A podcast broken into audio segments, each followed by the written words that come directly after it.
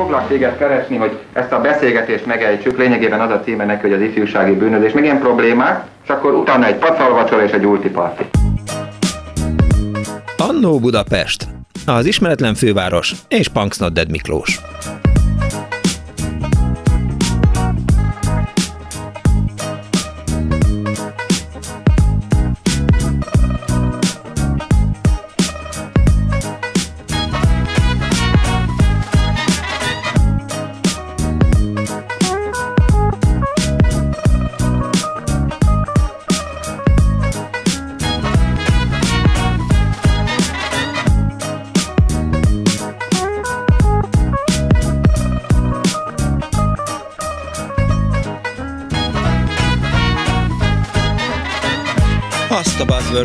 Buzzword mindenségét. Jó napot kívánok kedves hallgatóknak! Ez a Klubrádió benne az Annó Budapest az önök alázatos narrátorával, Punks Not Dead Miklóssal. Egyébként Haki Tamásról jut eszembe, de hát önök is nyilván emlékeznek rá, hogy akkor, amikor a 70-es években ezt a magyar, magyar televízió készített egy műsort Haki Tamásról, emlékszem, hogy ott a Szentes Marx téri épületben néztük eh, nagyapámnak az öreg tévéjén, és másnap az egész iskola meg volt őrülve attól, hogy jó, hát ez biztos, hogy kamu, Haki Tamás az nem így fütyül, így nem lehet fütyülni, meg, meg az egész. Tehát a reveláció volt, hogy csak na, és mindenki Haki Tamás akart lenni, és mindenki szeretett volna fütyülni, de ez nem a műsor témája, hanem majd a Kovács műhelynek lesz a témája, mint hallgattuk a promóról, és eljutott eszembe Haki Tamásról ez az emlék.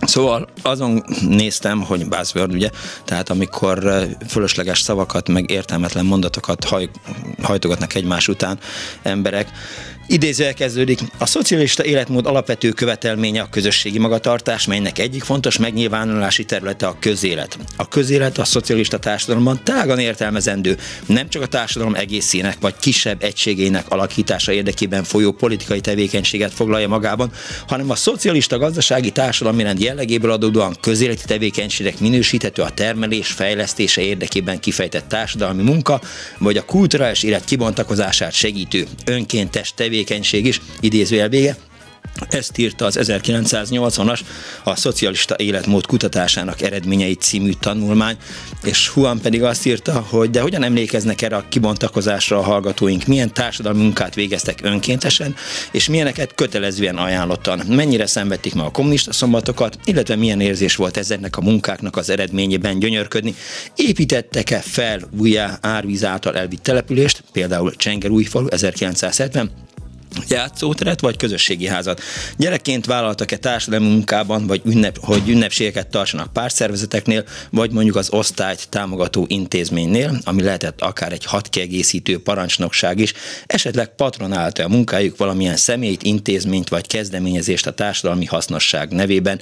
Ilyen és ehhez hasonló kérdéseket feszegetünk a kommunista vasárnapunkon ma délután 2-től 4-ig. Telefonszámunk 24 06 95 3, illetve 24 07 95 3.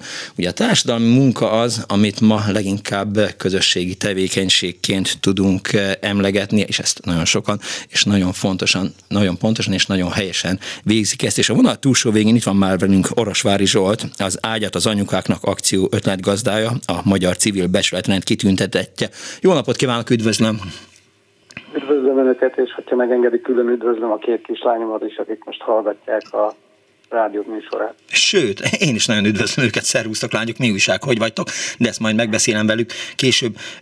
Azon gondolkodtam, hogy akkor, amikor ön civil munkára adta a fejét, akkor volt-e, mi volt ennek az előzménye?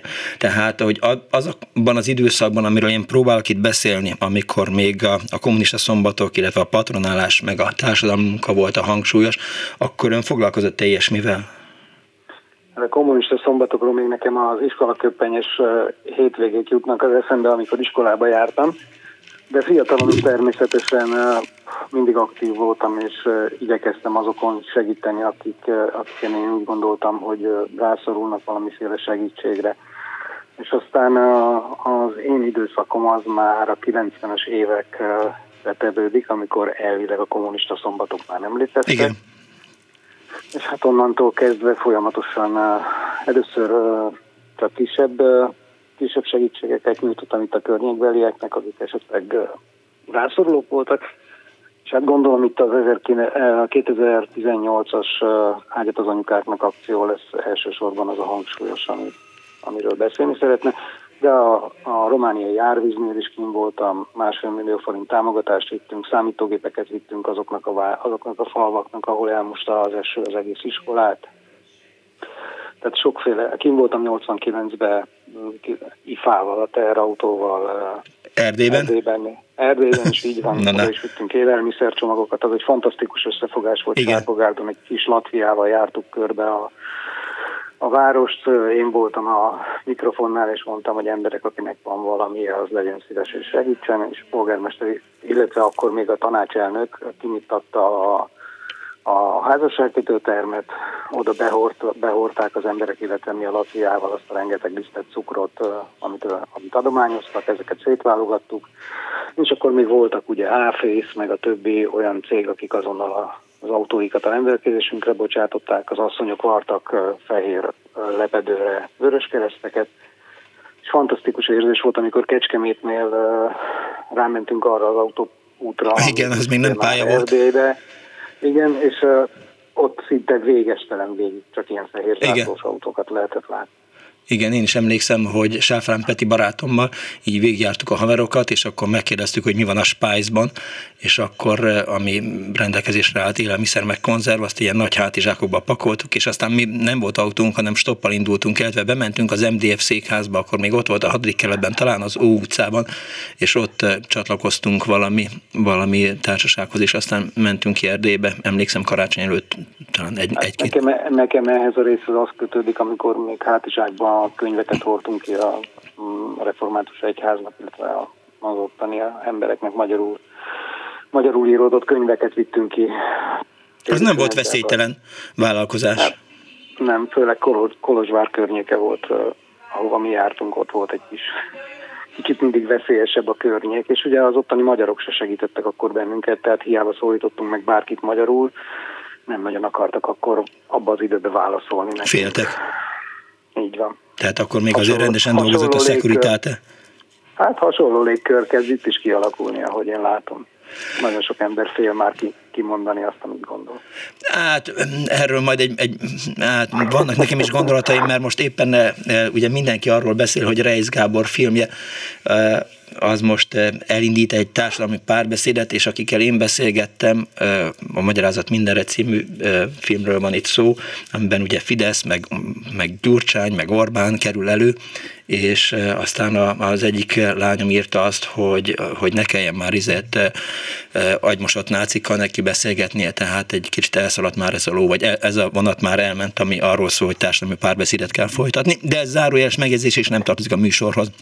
Hát egy annyiban hozzátartozik a műsorhoz véleményem szerint, hogy jelenleg van egy 35-40 százaléknyi pártatlan magyar, akik Igen. csak állnak középen és nézik, hogy mi történik. Tehát, hogyha az összefogásnál tartunk, amennyiben ezek az emberek egy közös nevezőt találnának, és találnának egy olyan csapatot, aki mondjuk jövőképet tudna nekik mutatni, és nem az állandó gyűlölködés, hoz meg és uralkodj elvét próbálná meg rájuk súlykolni mindenféle félelem generálásával, akkor ez a 40 százaléknyi ember ennek az országnak megváltoztatná a sorsát. Igen. Tehát a közösségi összefogás azért itt jelentős lenne. Igen, a szomszédom most éppen az ablakait hozza rendbe, és a lift ajtóban így beszélgettünk vele, valahogy is szóba került, és azt mondta, hogy, hogy mennyire nyomasztó ez a gyűlölködő társadalom, és hogy mennyire fontos az, hogy, hogy ne gyűlöljünk, tehát hogy, hogy hagyjuk már ezt, ne űzzünk sportot abból, hogy, hogy valaki gyűlölni kell, ezt engedjük el, tehát próbáljuk meg magunkat trénírozni arra, hogy, hogy nem kell gyűlölni. Na mindegy, de ez, ez tényleg... Nem lehet, ez nem lehet kikerülni, tehát éppen tegnap írtak rám a Facebookon egy számomra ismeretlen helyi hölgy, hogy amennyiben nem tetszik a rendszer, tehát azt hiszem, hogy egy karajról volt szó, 400 deka karaj kerül 1360 forintba, Igen. és valaki ráírt, hogy Németországban is ugyanennyi, amikor én írtam, hogy bizony elszaladt egy kicsit a ló az árak és a bérek között, akkor rám írtak, hogy nem tetszik a nekem Sárlógárdinak, aki itt születtem, az édesanyám 40 évig itt tanított, valaki rám írta egy helyi lakos, hogy ha nem tetszik, akkor el lehet innen menni. Most tartunk, hogy Magyarországról el lehet húzni a francba, akinek nem tetszik az, ami jelenleg van. Jó, hát volt már politikus megnyilvános is ezzel kapcsolatban, inkább térjünk vissza az ágyat az anyukáknak akcióhoz. Két oldalról volt sajnos ilyen igen, igen, igen, igen, igaz, igaz, igaz, igaz, igaz. Szóval, hogy akkor most már látjuk, hogy, hogy milyen múltból eredeztető az ön, önkéntessége. Beszéljünk egy kicsit az ágyat az anyukáknak akcióról. Arra emlékszem, hogy és hát miután három gyereket én is felneveltem a, a feleségemmel együtt, én nem kevésszer voltam mondjuk például a Heimpálba, amikor összetolt széken, vagy, vagy földön kellett kuporogni, vagy, vagy az ember próbált valahogy benn maradni a gyereke mellett, de hát természetesen nem lehetett, hiszen ott voltak más gyerekek is, tehát nem voltak ágyak a, a, a szülőknek. Hát igen, de aztán Magyarország csatlakozott különböző egyezményekhez, ahol elfogadta azt a szabályt, vagy azt az előírást, hogy minden egyes kisgyermek mellett biztosítani fogja az édesanyjának, illetve a kísérőnek a helyet, uh-huh. hogy ezzel is segítse a, a, a gyerekgyógyulását, és segítse az ott, ott dolgozók munkáját is, hiszen azért egy pár éves gyereknek a felügyelete, egy egész napos felügyelete az nem, nem egy könnyű feladat. Nem. Én emlékszem, mi még annak idején, amikor betegek voltunk, eh, Rácsoságba be voltunk zárva a belgyógyászaton, például ahol én voltam, és nem is láttuk az édesanyákat, édesapánkat, de az egy másik világ volt. És uh, itt uh, ez az akció ez úgy kezdődött, hogy az én kislányomnál egyik reggel észrevettem, hogy elbambult, és rögtön rohantunk orvoshoz vele, a neurológiára kerültünk, ahol gyermek Hát akkor mi nem tudtuk, de a... Jó Istenem, nem jut eszembe erre. Hmm, pillanat. Mindjárt szembe fog Igen, hideg. Na mindegy, ez a lényeg, bekerültünk a, a kórházba, és uh, ott a kórházba mondták, hogy uh, de minden, mi volt a betegségnek a neve? Ja, epilepsia, bocsánat, csak segítséget kértem közben. Egyre rosszabb, ja. És, epilepsia. Uh, hát uh, megijedtünk tőle, megmondom őszintén, és berohantunk a kórházba, és uh, ott uh, az én feleségem a gyerekkel együtt szerencsésen egy olyan, olyan korterembe került, ahol az édesanyja, illetve a gyerek egy, egy szobába lehetett. Tehát két személyes szoba volt, két felnőtt, két gyerekkel. A hajkeféjét itthon felejtette, és este vittem neki vissza, és amikor este mentem be hozzájuk, akkor én nem, én nem is láttam még eddig ilyent, egyszerűen a földre terítették le a plédeket az anyukák, meg a törölközőkre riszos székeket tologattak össze, és azon próbáltak meg éjszaka aludni. És kérdeztem tőlük az ott dolgozóktól, hogy ez, ez mi? Nem is értettem az egészet, és akkor mondják, hogy hát ez a bevett szokás, mert máskülönben nem tudják biztosítani az édesanyáknak a, a bentrétüket. És nagyon felháborodtam, akkor jöttem hazafele este, ezt már elmondtam egyszer, kétszer, a kivilágított videótron stadion mellett az mhm. akkor készült új, és akkora volt a kontraszt, hogy, hogy hát felháborodtam, de nem akármilyen módon, és másnap rögtön a helyi ismerőseimet, akik tudtam, hogy egy picivel jobban állnak anyagilag, őket megkerestem, nekik elpanaszkodtam ezt, és mondták, hogy ők is adnak pénzt, keresünk akkor ágyakat, és próbáljunk meg valami olyan ágyat bejutatni a Fehérvári kórházba, ami megfelel az előírásoknak, uh-huh. és amit használni tudnak az édesanyák. És aztán így először az óvodába néztem körül ugye a gyerekágyak, hogy milyenek, de sajnos abból nem volt felnőtt méret, és aztán egy szerencsés alkalommal, amikor jöttem haza már a gyerekemmel, akkor megálltam a Decathlonba, és ott egyetlen egy darabot találtam, egy fiatal hölgy segített, ő készítette azt az ominózus fotót is, amit fekszem az ágyon, és ami aztán végig szaladt a médiában.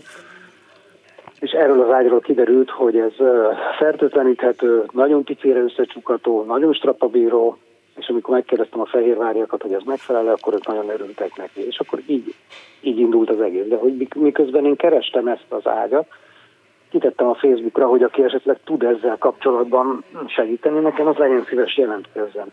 És egy fél nap után, amikor a Facebookra visszanéztem, 4700-as megosztásnál járt azt hiszem a, a, ez a poszt, és ö, megszámlálhatatlanul sok komment volt, hogy itt is ez a probléma, ebben a kórházban is ez a probléma évek óta, 20 évvel ezelőtti ö, újságcikkeket ö, tettek be, ahol látszik, hogy már akkor is jelezték az édesanyák. Tehát ez egy nagyon hosszú régi probléma volt, amivel ne, nem igazán foglalkozott senki. És egy ö, csomóan írták, hogy ők szívesen segítenek anyagilag is abban, hogyha ha ezt nem csak Székesfehérváron, hanem mondjuk más helyek is meg lehetne oldani.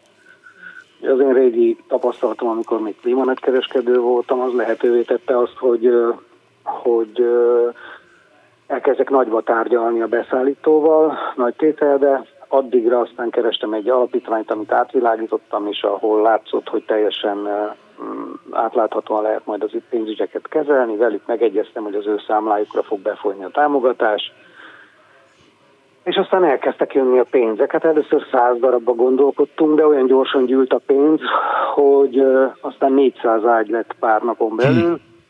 És 50 gyermek kórházzal vettük fel a kapcsolatot.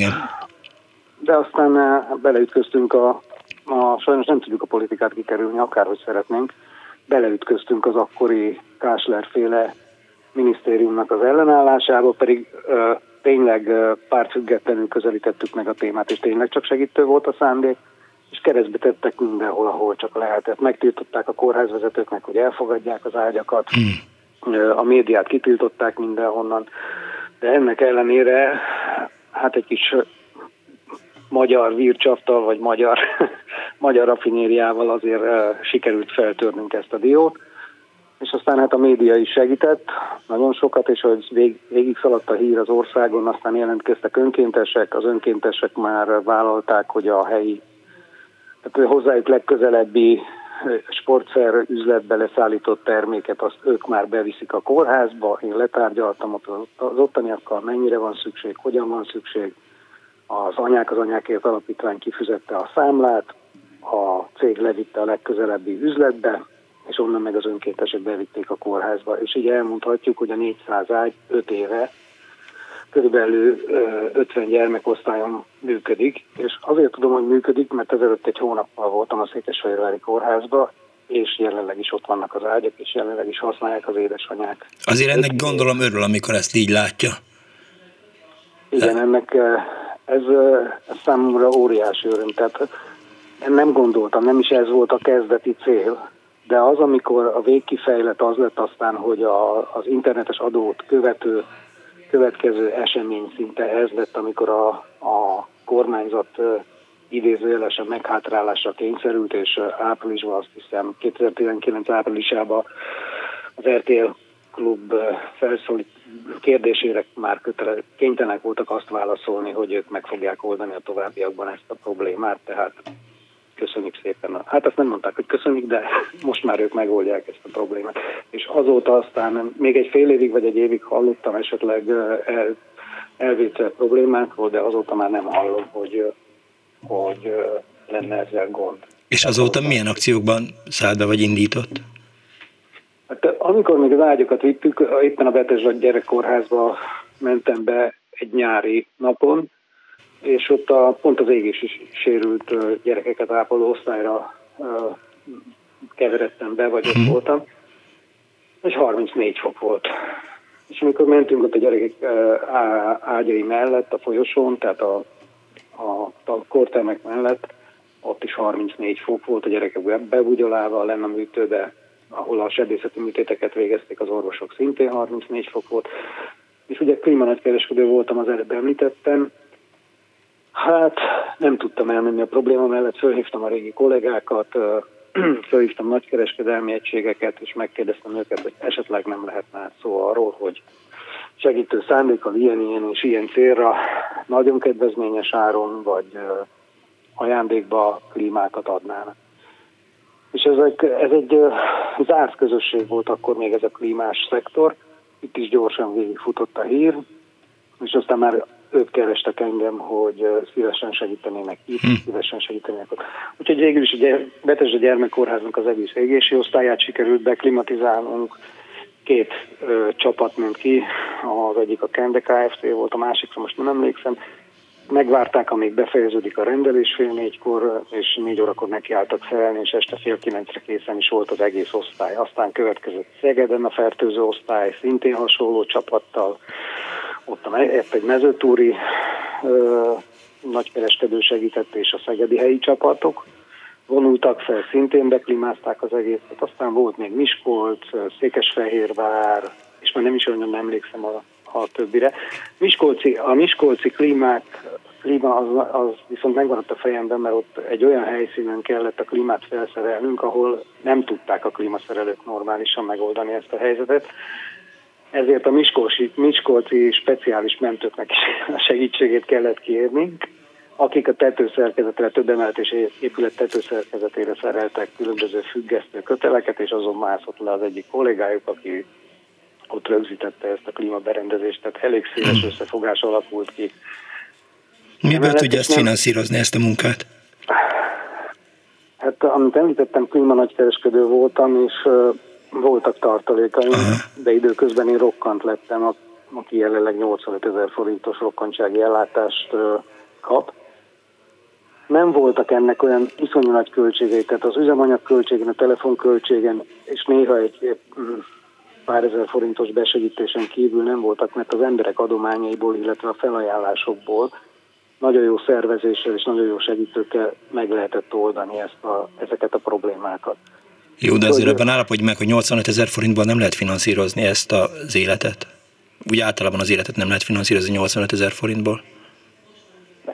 Abszolút nem lehet. Hát amikor lerokkantottak engem 2010-ben, akkor a rokkantsági nyugdíjam a minimálbérnek a 67%-a volt, azt hiszem jelenleg ez most 33%-ra jön ki, tehát utóbbi időben úgy csináltak a különböző törvénymódosításokkal, mint hogyha szociális segély lenne az egészségbiztosításon alapuló rokkantsági ellátás, de hát éppen most két ügyvéd segítségével bepereltem az államot, No. Október 27-én lesz egy tárgyalás Veszprémben a törvényszéken, amelyben 300 ezer ember nevében bepereltem a magyar államot az emberi méltóságot sértő ellátás miatt. Tehát itt nem arról van szó, hogy egy egészséges embernek nincs kedve dolgozni, és szociális segélyt kap az államtól arra az időszakra. Itt arról van szó, hogy emberek ledolgoztak éveket, vagy esetleg betegen születtek, és az életben maradásukat kellene biztosítani. Ehelyett az elmúlt tíz év arról szólt, 2012-es törvénymódosítás óta, hogy hogyan lehet ezeket az embereket partvonalon kívülre tenni, és hogyan lehet őket nem, passzív eutanáziára kényszerítenek bennünket, hogy meghalljunk, hiszen haszontalan emberek vagyunk a társadalom számára. Fog, fogok én erre, október 27-e, bocs Zsolt, hogy október 27-e péntek, biztos, hogy, hogy keríteni fogok rá alkalmat, hogy akár a perről, akár a, a magáról erről a perről beszélhessünk még ebben a rádióban, jó? Azt nagyon megköszönöm, dr. Fetesházi Péter és dr. Monostori Robert fog képviselni a bíróságon, és dr. Csurgó Katalin lesz az, aki még a háttérből próbál bennünket jogászként segíteni. Jól elmentünk az önkéntesség mellett, de nagyon szépen köszönöm, hogy itt volt velünk. Gratulálok az akcióhoz, gratulálok a civil becsületrendhez, amit megkapott ezért, és további jó munkát és nem is tudom, hogy mit lehet még kívánni ilyenkor. A gyerekeket meg üdvözlöm. Jók legyetek, hát törpék! Stabil, stabil, stabil anyagi hátteret szeretnék, hogy tudjam végezni tovább ezeket a fajta tevékenységemet, és engedje meg, hogy öt év után újra megköszönjem azoknak a segítőknek, akik akkor részt vettek az akcióban. Hát, hogy ne. Hogy Köszönöm ne. szépen. Innen is köszönjük. köszönjük szépen. Orosvári Zsolt, az Ágyat az anyukáknak akció ötletgazdája volt a vendégünk. Viszont hallásra! Viszont hallásra! 24 06 illetve 24 a telefonszámunk SMS-ben, illetve a Vibren a 06 30 30 30 as számon szólhatnak hozzá. Kardos Józsi nagyon sok cikket küldött nekem a kommunista szombatokról, meg a kommunista vasárnapokról. Szervusz Dániel, rég láttalak, mi újság van? Sokat fogytál, jól nézel ki. Te is sokat fogytál, jól nézel ki. Nem, tudod, mit hiányoltam a műsor elején? Mit? Hát, hogy annyira ilyen nem baráti gesztus volt a részedről az, hogy szegény pálinkásnak nem kívántál jobbulást. Nem tudom, hogy hallgattad de péntek reggel, de nagyon ramatja állapotban volt szegény. Minek ment oda? Igen, igen. Tehát Úgyhogy nem kell betegen bemenni. Most megfettelek itt a hallgatók igen. előtt, hogy... Nem kell betegen bemenni dolgozni, az is, tehát mindent túltól, teljesen idióta. Tehát olyan nincsen, hogy, hogy, hogy normális rendben menjenek a dolgok. Hát sajnos, hát szerencsétlen. Na mindegy. Nem ez az érdekes, hanem, Na, hanem. hanem hogy hogy el ne felejtsünk majd beszélni arról, hogy lesz jövő héten pénteken egy, egy esemény, a város érzékelése, helyek, hangok, színek, személyes emlékek. Van egy ilyen sorozat wow. a Fővárosi Szabó Ervin könyvtár szalonjában, és ott fogok Zányi Tamás sound designerrel beszélgetni. Az Annó Budapest szerkesztőjeként hívtak engem be ebbe a beszélgetés sorozatba, és hát mindenkinek ajánlom kedves figyelmébe, ez egy ingyenes eh, esemény, csak regisztrálni kell. És te fogsz beszélni, vagy csak kérdezni Hál' fogsz? Istennek kérdezni fognak. Na, engem, azért mondom, engem, mert engem, ja, téged fognak, nem, kell Sun design témában téged fognak kérdezni. Figyelj, bármilyen design témában nyugodtan kérdezhetnek. Tudod, engem. mi az a Sun Design? Nem én. Nem. Legjobb ember találták meg akkor a beszélgetés résztvevőjének. Elmondjam neked, mi az a Sun szíves. Design? Hogy mondjam? az, amikor audio-vizuális tartalma, vagy a a audio tartalmakat magad. díszítesz fel, különböző effekteket használsz. Jó, Például, hogy egy, zajszobrok. hát mind... Ezt a szót még nem hallottam, mondjuk. Nem, nem, nem hallgattál Tilos Rádió. nem hallgattam még tilos. Keményi ö, Gyurinak volt mindig ez, tehát ő sosem műsorokat készített, hanem ilyen, ilyen zaj. Nem, tehát hogy az igazi sound design mesterek már azt is meg tudják csinálni, hogy mondjuk felveszel egy fejhallgatót, Igen. és egy, egy utcazajt úgy érzékelsz, mint hogyha körülötted tényleg menne a forgalom, hallod az elhaladó autókat, mert olyan hangeffekteket, spicceket 3D. használnak benne. 4D. Igen, igen. Na ilyeneket mondjál majd, és akkor nagyon jó lesz. Aha. De szerintem oda fogok menni, és, és ki foglak nevetni. Mi, de miért? Ne, vagy, vagy, vagy, vagy nagyon bólogatni fogok, és jegyzetelek. De nem, majd Sipos Júlia kérdez engem, de nyilván arról van szó, és azzal készülök a műsorra, hogy, hogy ki kell választani az Annó Budapest egyik legemlékezetesebb történetét. Már nagyon sokat, Ó, igen. és megvan már? Félig megvan. Még beszélgettem már a Brigivel is erről, hogy ő azt mondta, hogy szerint az Őzelajosból kéne, de én emlékszem arra, hogy a Lépcsőházas műsorban, akkor, amikor gangokról beszélgettünk, akkor volt egy ilyen nagyon érdekes és megkapó történet, amikor volt egy, egy nagyon beteg kisgyerek, és akkor az ő szállításához kellett segítséget nyújtani a háznak, és valaki beszámolt erről, és aztán egy hallgató írt nekem egy levelet arról, hogy, hogy ő volt az a gyerek, aki érdekében történt Jaj, de jó. mindez. Ez nagyon, nagyon érdekes volt, vagy összeszedem, nincs meg teljesen, mert az én agyam sem káptalan. De té- tényleg el kell ide menni, ajánljuk a Igen, mindenkinek. igen, azért biztattam a hallgatókat, hogy van kedvük, akkor jöjjenek. Szóval 24 06 953, 24 07 953 a kommunista vasárnapokról, a patronálásról és a társadalmi munkáról szól ma az Annó Budapest. Ha önök vettek részt ilyesmiben, akkor mindenféleképp meséljék el, hogy ki és hogyan rendelt el. Ha jól emlékszem, akkor minden cégnél volt egy ilyen társadalmi munkafelelős. Hát az nagyjából olyan volt, mint a, a megbízott kisztitkár vagy megbízott ö, vállalati ö, vezető, akinek hát semmi dolga nem volt, csak az, hogy koordinálja a társadalmi munkát. Halló, napot kívánok! Halló, jó napot kívánok, szia, Bod András vagyok. Hello, szia András! Um, először is kommunista vasárnap az nem volt, mert ugye vasárnap az a, az a Ennyi már, András! Tehát, hogy, hogy ha, ha nem lenne előttem az a cikksorozat, amit küldtem, amiben kommunista vasárnap, tehát itt van előttem 1900, most nagyon belementél ebbe, 1971-ben az Ikarus lap számol be a kommunista vasárnapról. Tehát 1971. szeptember 26-án vasárnap a Fehérvári gyárban dolgoznak, tehát hogy volt kommunista vasárnap, és nyilván azért lehetett kommunista vasárnap, mert hogy időnként még szombaton is dolgoztak az emberek, tehát az nem, nem mindig volt mindig ötnapos munkahét, ha érted, hogy mondom. Na jó, akkor most azzal indítottam, hogy magamra rántottam a terítőt. Semmi baj. Hát ennyire, ennyire, nem, ennyire nem voltam tisztában a dologgal.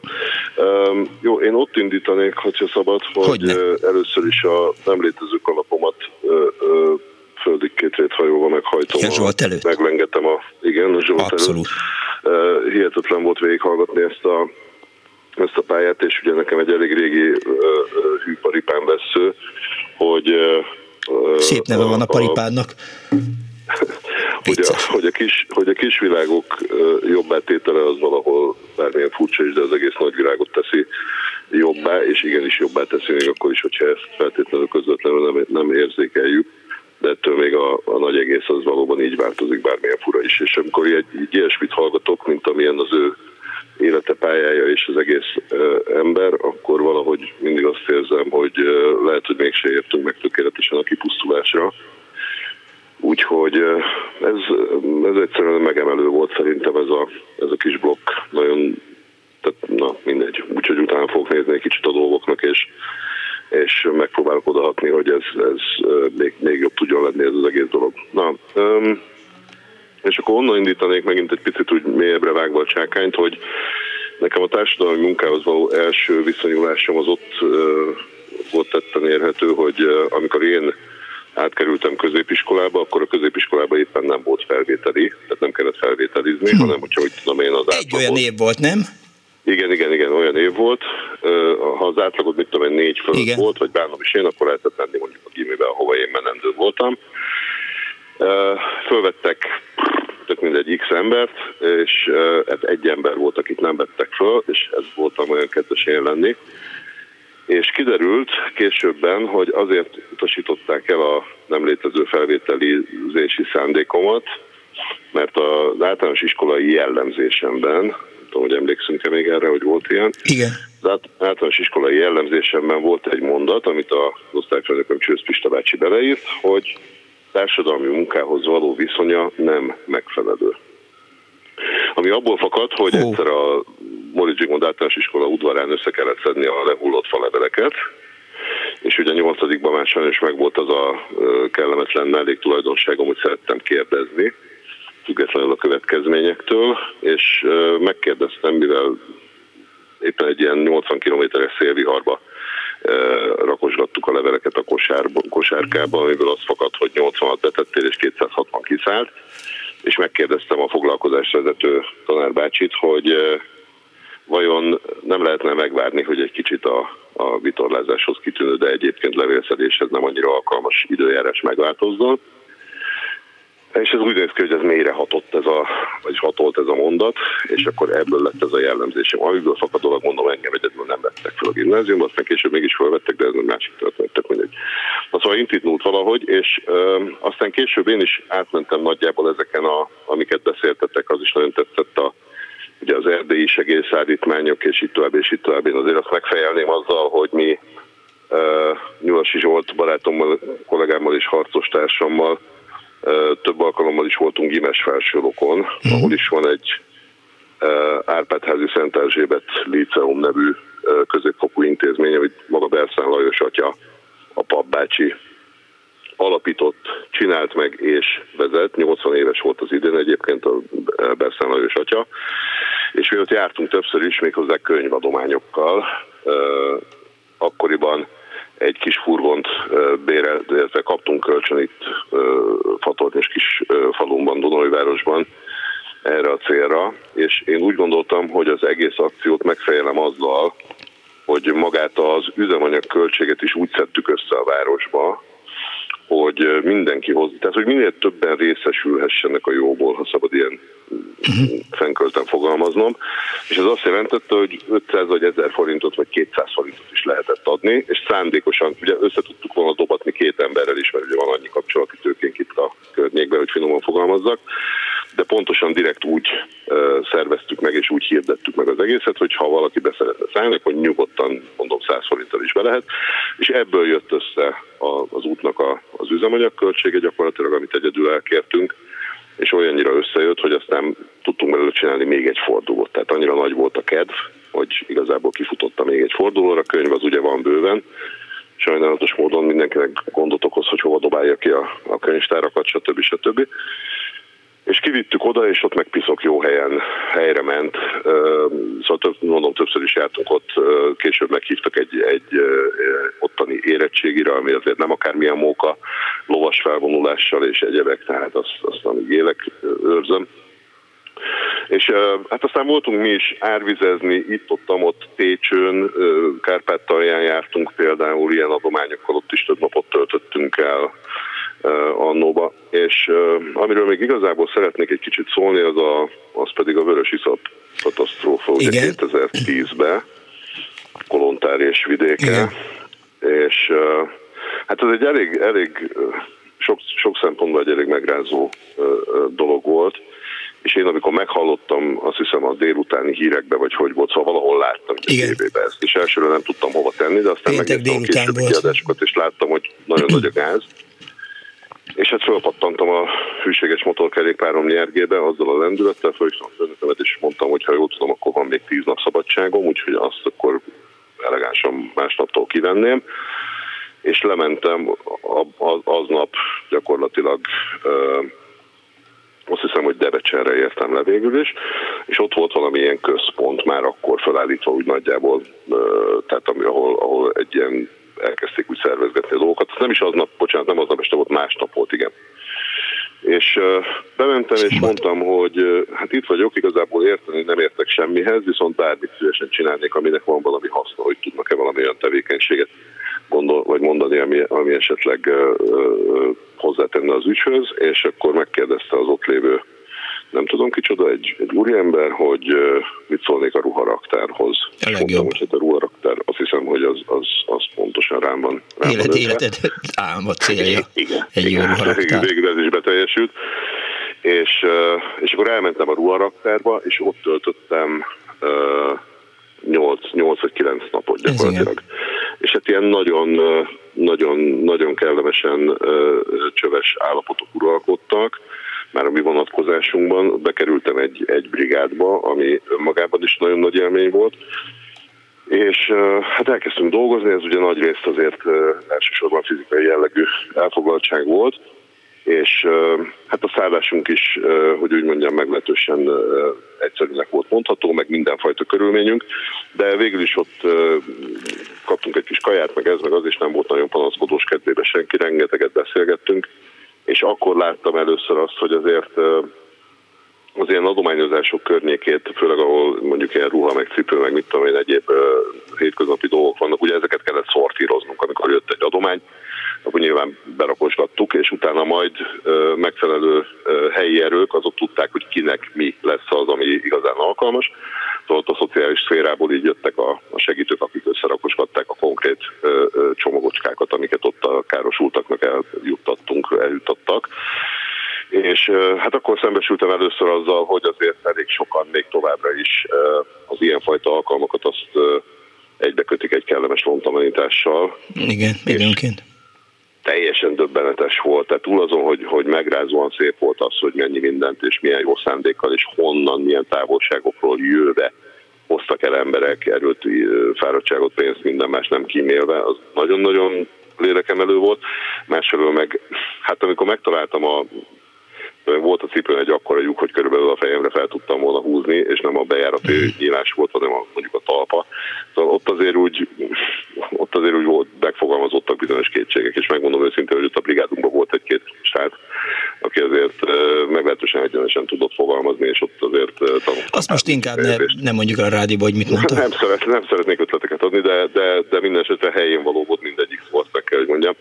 Szóval ezzel is, ezzel is lehetett találkozni, és aztán visszamentünk egy pár hónappal később még egy pár napra, akkor meg már elkezdődött ott a helyreállítás, és akkor ott, ahogy a 8-as út mellett mész Debrecennél van ott egy benzinkút, ahol az egész, az is benne volt a híradóban, azt hiszem egy mókút és annak környékén van egy ilyen ligetes, fás rész, ugye, amit teljesen elöntött, mit tudom én, egy méter magasan, vagy bánom is egy 80 centi magasan az iszap annak idején, és akkor volt ennek az egész területnek, meg ott az egész területnek a rekultivációja, és arra is vártak még önkéntes segítőket, és akkor abban is részt vettünk, hát ott konkrétan azt a felső réteg talajt, azt le kellett onnan bontani, mert ugye teljesen át volt iszamosodva, meg iszaposodva az egész, és a fákat szabadítottuk fel egy kicsit, de az az egész terület érdekes módon mégiscsak túlélte a dolgokat.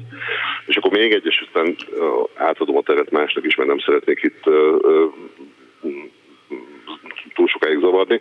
Volt még egy húzásunk, amikor megcsináltuk itt Dunajvárosban szintén a Szemét Kommandó nevű kis brigádot, ez olyan, hát ez is olyan 8-10 éve nagyjából, inkább 10 éve. Az pedig az volt, hogy mindenfajta külső támogatás és minden nélkül egyszer csak, amikor éppen jöttem haza, és mit tudom én, találtam tejfölös doboz, zacskót, nem tudom micsodát az úton, akkor hirtelen eszembe jutott, hogy lehet, hogy ezt most nem a Facebookra raknám föl, hanem, hanem, hanem, hanem elkezdem ezt saját hatáskörben megoldani ezt a problémát, ha már másnak nem sikerül. És akkor összetrombitáltam rá egy kisebb, először, eleinte kisebb brigádot, amiből aztán később egy kicsit nagyobb lett, és elkezdtünk így a városon belül ilyen különböző közterületeket minden szombaton, azért is kapcsolódnék a, igaz, hogy nem kommunista, de minden esetre önkéntes szombatokon. Uh-huh. Reggel kimentünk valahova egy adott tér, térre vagy területre, és ott elkezdtük a, a annak a területnek a megtisztítását. És piszok érdekes volt, hogy mit tudom én, 15-20 ember, hogy micsoda energiákat tud mozgósítani, és egy jókedvű, laza, tehát itt nem volt semmi hajtás, nem volt semmi, semmi ilyesmi, de mit tudom én, három órás munkával egy, egy egészen komoly teret azt teljesen, totálisan át lehetett alakítani, és nagyon nagy erő volt a, a, a, a produkcióban. És aztán az érdekes az egészben az volt, hogy nyilván a városvezetésnek egy idő után elkezdte szúrni a szemét, a szemét, mert ugye elkezdték úgy érezni, hogy igazából mi őket francúzzuk ezzel, vagy valami hasonló. Hát, nem volt igaz.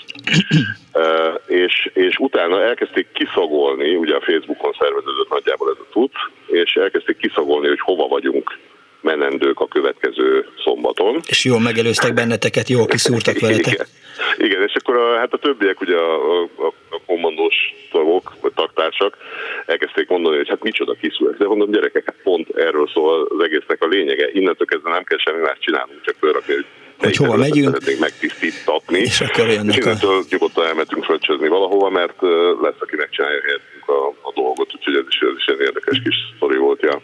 Köszönöm szépen, hogy hívtál. Oké, okay, Köszi, viszlát. Ciao, ciao. Hello. Hello. 24 illetve 24 társadalmi munkáról, patronálásról és kommunista szombatokról, illetve vasárnapról szól ma az Annó Budapest, meg persze egy kicsit az önkéntességről is. Halló, jó napot kívánok! Halló, szervusz Miklós Vizi János Hello, vagyok, üdvözlöm a hallgatókat is.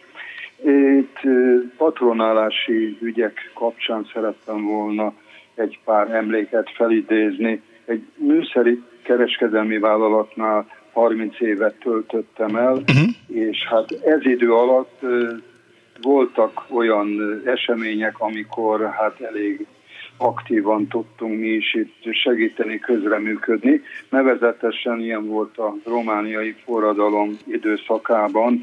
A Máltai Szeretett Szolgálat megkereste a cégünket, hogy ha tudunk eszközökkel segíteni, akkor ezt tegyük meg. Hát én voltam akkor a laborosztály vezetője, laborműszerek osztály vezetője, és gyakorlatilag több 10 millió forint értékben laboratóriumi elemző eszközöket, hát főleg vérvizsgáló laboratóriumi eszközöket állítottunk össze, és hát nem mi vittük a helyszínre, hanem a máltaiak megfelelő szakértelemmel, fuvareszközökkel nálunk fölvették, és a helyszínre vitték, kézbesítették.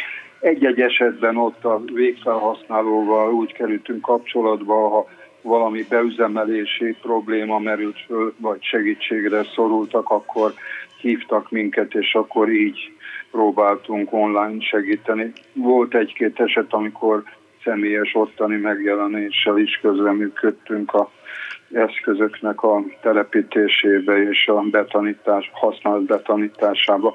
Hát ez egy nagyon emlékezetes, szép eseménysorozat volt, és őrzöm azt a levelet, amit a Kozma atya annak idején köszönet nyilvánításképpen küldött az eseménysor Ott ki, nálatok, nálatok ki döntött a felajánlásról? Hát tulajdonképpen ez úgy működött, hogy én javaslattevő volt, Aha. és hát a vezérigazgatóság volt a jóváhagyó, de hát általában amit szakmai oldalról indokoltan alátámasztva felterjesztettünk, az többé-kevésbé át is ment. Ez is átment, úgyhogy nem volt igazándiból a specifikációból lehúzva és módosítva sem, úgyhogy átment a szűrőn és kikerült, és hát gyakorlatilag a a, a, a dicséret az elsősorban az ő szintjükön jelent meg, és hát a minisztérium is oda küldte a megfelelő ilyen-olyan elismerő leveleket, meg oklevelet, meg egyebet, úgyhogy hát az így zajlott. Nekem valahogy patron... ugye az volt meg a patronálásról, hogy, hogy ilyen honvédelmi egységek, tehát mit tudom én, laktanyák, vagy, vagy vállalatok, mezőgazdasági cég, TS-ek vállalták, mit tudom én, a kontaktagyárnak, a mit tudom én, melyik brigádja vállalta, hogy a, mit tudom én, a Rákóczi Ferenc utcai óvodában ők patronálni fogják a mit tudom én, melyik csoportot, és igen, akkor igen. kijöttek, és akkor lefestették az ágyakat, vagy amit kellett, vagy a, vagy a játszóteret felújították. Általában ilyen patronálásokra emlékeztem én. Na most volt egy másik ága ennek a patronálási világnak, a minisztérium annak idején kijelölte, egy vállalat, egy iskola, volt egy ilyen központi akció. Oh, Ennek keretében mi megkaptuk a Baktalórándházai gimnáziumnak a patronálását, és hát gyakorlatilag minden évben, amikor nálunk évvégén műszerselejtezés volt, feljött onnan a fizika tanár, és akkor együtt végignéztük a kollekciót, és aztán abból ő kiválogatta, hogy mik azok, amik használhatók, demonstrációs, vagy akár ö, oktatási egyéb ö, vonalon is. És hát persze ilyenkor mindig bejött az is, hogy hát azért a kurensebb dolgokból is, ha valami oda illeszthető lenne, hát annak nagyon örülnének, és hát azért erre is igyekeztünk megoldást találni, hogy ne csak a nullára leértékel. Ne csak selejtet kell már hazavinni baktaló házára. Hanem hát amivel ténylegesen lehetett mérni is, meg hát megfelelő oktatást biztosítani. A harmadik ág az volt ebben a patronálási hát, világban, hogy a cégen belül volt egy úgynevezett lakástámogatási konstrukció. A uh-huh. lényeg az volt, hogy különféle tanácsokkal volt együttműködési megalapodás, és ennek fejébe kaptunk bérlőkijelölési jogosítványokat. Egy tíz év alatt körülbelül 30 ilyen lakáskijelölési jogosítványt kaptunk, akkor épülő különféle lakótelepeken, így a Budakeszi lakótelepen, aztán a Centenáriumi, Mátyásföldi, illetve Erzsébeti lakótelepen is kaptunk ilyen lehetőséget. Mhm. Most a feltételben benne volt az is, hogy 80-100 óra társadalmi munkát is kellett végezni az adott kijelölt személynek, aki végül is oda beutalót nyert el, uh-huh. és hát ezt le kellett ott keményen dolgozni, és ezt ott gyakorlatilag naplózták, hogy ki mikor, mettől meddig, hány órát teljesített, és hát végül is boldogan vállalták ezeket az előfeltételeket, mert hát végül is így olyan módon jutottak soron kívül lakáshoz, hogy egy tanácsi konstrukcióba, ki tudja, mikor kerültek volna sorra. És mit kellett csinálniuk? De gyakorlatilag ott a helyszínen mindig a művezető volt az, aki a, az adott pillanathoz igazodó igényekkel előállt. Hát ott volt kubikulás, főleg az volt a jellemző, tehát talicskázni kellett az anyagot a különféle szintekre, hmm tehát segédmunka volt alapvetően az, amit ott segíteni kellett. Hát abban az ember keveset tud rontani. Tehát, hát, igen, igen. Több, több kár, mint haszon. az minimális volt a kivitelező szemszögéből nézve, úgyhogy igen, igen, ahogy mondod, itt volt a legkisebb. Egy talicskával és egy lapáttal nem lehet nagy kárt okozni. Hát így van, így van. Úgyhogy ezek voltak annak idején azok a patronálási módozatok, amiben benne voltunk, és hát ezek mind komoly élményt is szereztek, és hát mindenhol, ahol... Élményt szereztek, ez egy fontos? Biztos, hogy élményt igen, szereztek? Igen, igen, igen, élmény volt, és mindenhol, amikor eljutottak oda, hogy kulcsátadás, lakás alatt, akkor mindig mindenki meg volt hívva, ott voltunk, együtt örültünk, és hát gyakorlatilag ez nagyon szépé tette mindazt, amit annak idején így együtt követtünk el. Nem érezted kötelezőnek, és hát hiányzik a tudod kinek, tehát, hogy... Ez, de, hát előfordult az, hogy egy-egy hétvégen ezek általában szombat, vasárnap zajlottak ezek a 80-100 órát lerót penzumoknak a teljesítése. Előfordult nálam is, hogy persze hát nálam is pici gyerekek voltak, és hát nálam is meg kellett oldani, hogy akkor valahogy másképp legyen a hétvége. De, de hát összességében azért ott a helyszínen a jó hangulat az mindig megvolt, semmi szorongás nem volt, és elnyomta ezeket a bennünk lévő esetleges aggályokat, hogy hát ott van vajon hogy fog ez lecsengeni, mert ott a közös melóba, hogy együtt voltunk és együtt csináltuk azt, amit csinálni kellett. ott elég közel volt Budakeszin az a sörkert, ahol utána, amikor le... Ja, ja, ja, hát úgy könnyű, persze. Négy órát, hát, hát ott már gyakorlatilag igen, folyadékpótlásra szükség volt, mert igen, csak Mindig ez van. a naftát magunkból, úgyhogy hát ezek szép idők voltak, és hát... Hát mondjuk azt, hogy idők voltak. Köszönöm szépen János, hogy hívtál. Én is köszönöm. Viszont hallás a szervusz. Bocsánat. Na, 1983. október 5-e. Látom már, hogy itt van egy hallgató, csak 14 óra 57 perc van. Nem hiszem, hogy... De azért beköszönök. Hello, kedves hallgató! Halló! Halló, halló! Figyelj, kedves hallgató, kedves hallgató. Hogy, igen, azt akarom kérdezni, hogy, hogy két percre be biztos nem fér bele a történetet, ugye? Nem, biztos nem fér bele két percbe. Úgyhogy akkor legyen az, Lenne, hogy... ha reagálni is fog hát, rá, és hát, igen, róla. igen, az lenne a, a cél, hogy, hogy, hogy, hogy beszélgessünk, akkor legyen az, hogy a hírek után fogunk bele, addig én olvasok valamit a kommunista műszakokról, jó? Jó. Tartod, hogy visszaívunk? Oké. Okay. Oké, okay, köszi, hello! Kösz. Egyébként 24 06 95 3, vagy 24 07 95 3, SMS-ben 06 30 30 95 3, és a Viberen is ezen a számon lehet elérni bennünket. Na, és hát hál' Istennek szerkesztünk Árva Brigitta gyorsan ki is segített, nem a 1983-as eh, Fókusz újságból kell felolvasnom, bár Schreiber Géza, a 8-as osztály művezetője beszámol arról a kommunista vasárnapról, amin részt vesznek. Kicsit csípős volt az a bizonyos szeptember végi reggel, amikor társadalmi munkára indultak, majd továbbiakban így folytatta. Ilyen idéző kezdődik, és kurzival van írva, ilyenkor nincs főnök és beosztott. A kommunista műszak főjellemzője, hogy senkit nem kell külön figyelmeztetni, hogy igyekezzen érkezzen. Ez becsületbeli dolog. És hogy ez így van, arról bárki meggyőződhet, aki ilyenkor a nyolcas osztályon jár. Az osztály gazdasági és politikai vezetői a munkát mindig úgy szervezik, hogy a szerelő osztályok igényeihez igazodjanak, a folyamatosság érdekében velük szorosan kooperálva készítik a műszer alkatrészeket. Azért, hogy ment az újságírás régen, mindig rácsodálkozom, Parabola Tükör írt egy hozzászólást a mai témánkhoz, társadalmi munka, patronálás és kommunista műszakok, szombatok és vasárnapok, de az is majd csak később lesz, mert megérkezett Suba Kriszta a hírekkel.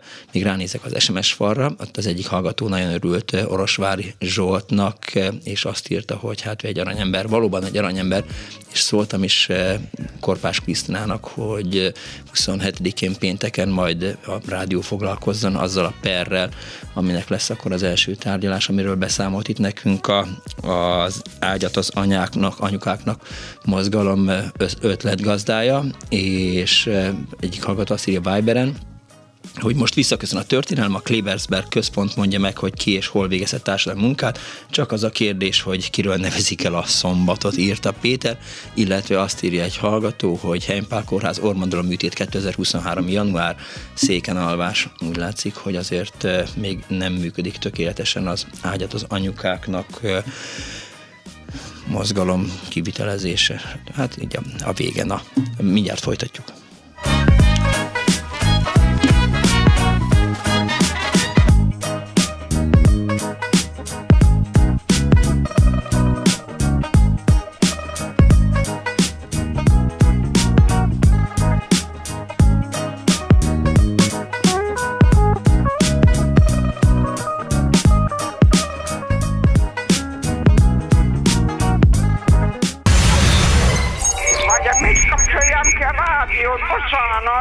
Igen, jaj. igen, igen. Elnézést! Jó napot kívánok! Mert ez a kis éppen olyan jó, és éppen azt teszi, amit kell.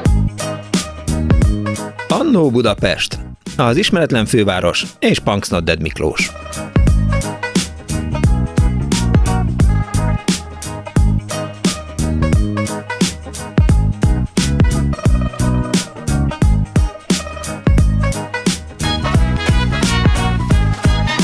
Jó napot kívánok a most ébredő kedves hallgatóknak! Ez a Klubrádió benne az Annó Budapest az önök alázatos narrátorával. Ma a társadalmi munkáról, a vállalati patronálásról, illetve a kommunista műszakokról szól az Annó Budapest. Akik most ébredtek, azok kimaradtak néhány nagyon jó beszélgetésből, például abból, amit Orosvári Zsoltal az Ágyat az anyukáknak akció ötlet gazdájával folytattam. Írta is egy hallgató SMS-ben, hogy a ön eh, most adásban lévő vendége egy aranyember, hálás köszönet a segítségnyújtásért eh, passzoltam is, és szerintem nem szakadt vége a beszélgetésnek Orosvári Zsoltal, majd október 20-én újra fogok vele beszélgetni. 24 06 95 3, 24 07 953, SMS-ben Viberen 0 30 30 30 953. Arra biztattam, és arra biztattam önöket, hogyha vettek részt társadalmi munkában, vagy kommunista műszakban, akkor meséljenek, hogyan és mit csináltak, ki és hogyan rendelt el, volt eredménye, volt-e haszna, vagy egyszerűen csak ilyen szocialista felajánlás volt, hogy jön november 7-e, akkor nincs más választás, vagy jön április 4-e, kell valami, hogy történjen, és akkor jöttek ezek a e, értelmezhető, vagy értelmezhetetlen, hasznos vagy haszontalan társadalmi munkák, ez persze kérdőjel, tehát, hogy hasznos volt, vagy haszontalan. És egy betelefonáló van a vonal túlsó végén, akivel az előbb már beszéltem egy nagyon keveset, jó napot kívánok! Adjon Isten, jó napot! Adjon Isten! Hát igazán nem örvendeztettek meg ezekkel a hírekkel, amiket közben hallottam. Igen. De hát ilyen a világ. No, a, amit elmesélnék, az egy kicsit erősebb dolog. Na, de jó. Tudja hogy mi az, hogy diaporáma? Hogy a kiskutya fülében ne tudnám. Amikor egy, két diavetítő egymás mellé van téve, van egy ilyen hatam, hát nem egy nagy körbe, Igen. egy nagy korongba vannak berakva a, a diák, és akkor ezt egymásra küldik, és akkor azt lehet látni, hogy, hogy görögországi nyaralásom, és akkor lehet látni Atént, meg minden összekovácsolva jazzszel, mint a, meg a Dixieland stílus, igen. Igen, na hát nagyon örülök, hogy olyannal beszélek, aki ismeri a műfajt. Még voltam is diaporában előadáson. Még annyit tennék hozzá, hogy, hogy nem csak nyaralási élményeket, hanem érdekesebb, meg Persze. egyéb fontos mondhatnám esetleg nagyképűen, hogy művészi mondandókat is el lehet igen, mondani. Igen, igen, mondom, tehát, Hiszen hogy hogy a Szentesi könyvtárban... úsznak át a, igen. a kísérő hang, Mindegy, pedig a nem feltétlen zene, ugye hangeffektusok is nagyon hatás, hatásosak tudnak lenni. Igen. Na hát az a helyzet, hogy nekem ifjúkori éveimnek nagy szerelme volt ez a műfaj, uh-huh. és igen, so, sok mindent csináltam ebben. Többek között, és a zenét is igencsak szerettem, Muszorszki kiállításképeit biztos ismeri. Hát, hogy ne. A, ebben azt hiszem, hogy 10 vagy 11 tétel van különböző tételek, amiket ez nagyon érdekesnek mutatkozott nekem, hogy valamilyen módon végigfotózni azt, amiről szól, de azért mégis egy más módon egy kicsit adekvát mond egy olyan fajta dolgot, ami, ami fontos, ami, ami közhasznú esetleg, ami, ami előre visz minket. Szóval a zenében benne van, uh-huh. úgy gondoltam, hogy, hogy valahogy ezt ki kell fejezni, Igen. és nagyon megakadtam egy helyen, van egy olyan tétel a kiállítás képeiben, hogy azt mondja, hogy két zsidó beszélget. Ezt Muszorszki a zene nyelvén nagyon szépen jól megoldotta, de mi az ördögöt fotózzak én ehhez? Na, kíváncsi vagyok. Hát azt találtam ki, hogy kimegyek a zsidó temetőbe, valamelyikbe, uh-huh. és lefotózok gazdag és szegény sírokat, mert a két zsidó beszélget, az egy szegény zsidó, gazdag zsidóval beszélget a Muszorszkinál ez a tételnek a, Igen. a, a kísérő szövege. Na, a lényeg az, hogy kimentem a Rákos keresztúri temetőbe, annak van egy zsidó temető részlege, és ez, hogy körülbelül ilyenkor tájt volt, talán már egy kicsit több avar volt a földön, mint most, a levél lehullott, mondjuk, hogy, hogy október vége felé talán. Nevezzük Kozma utcai temetőnek, zsidó temetőnek. És szombati napon, úgy körülbelül 77-78-ban történt a dolog, ez majd később lehet szóba hogy miért. Lényeg az, hogy fogtam a fotócuccokat, statívot, táskákat, objektíveket, ami kell, kimentem vele szépen a zsidó temetőbe, és ahogy mentem, ott láttam, hogy, hogy söprögetik az avartot. Gondoltam magamban, hogy szombat van, de hát nem nagyon szoktak zsidók ugye szombaton dolgozni, hanem nem kötelező, hogy a, Semmit sem szabad csinálni. temető munkása is zsidó legyen, és akkor ő dolgozhat persze, hát hadd se törgessen. És akkor elmentem, bókláztam.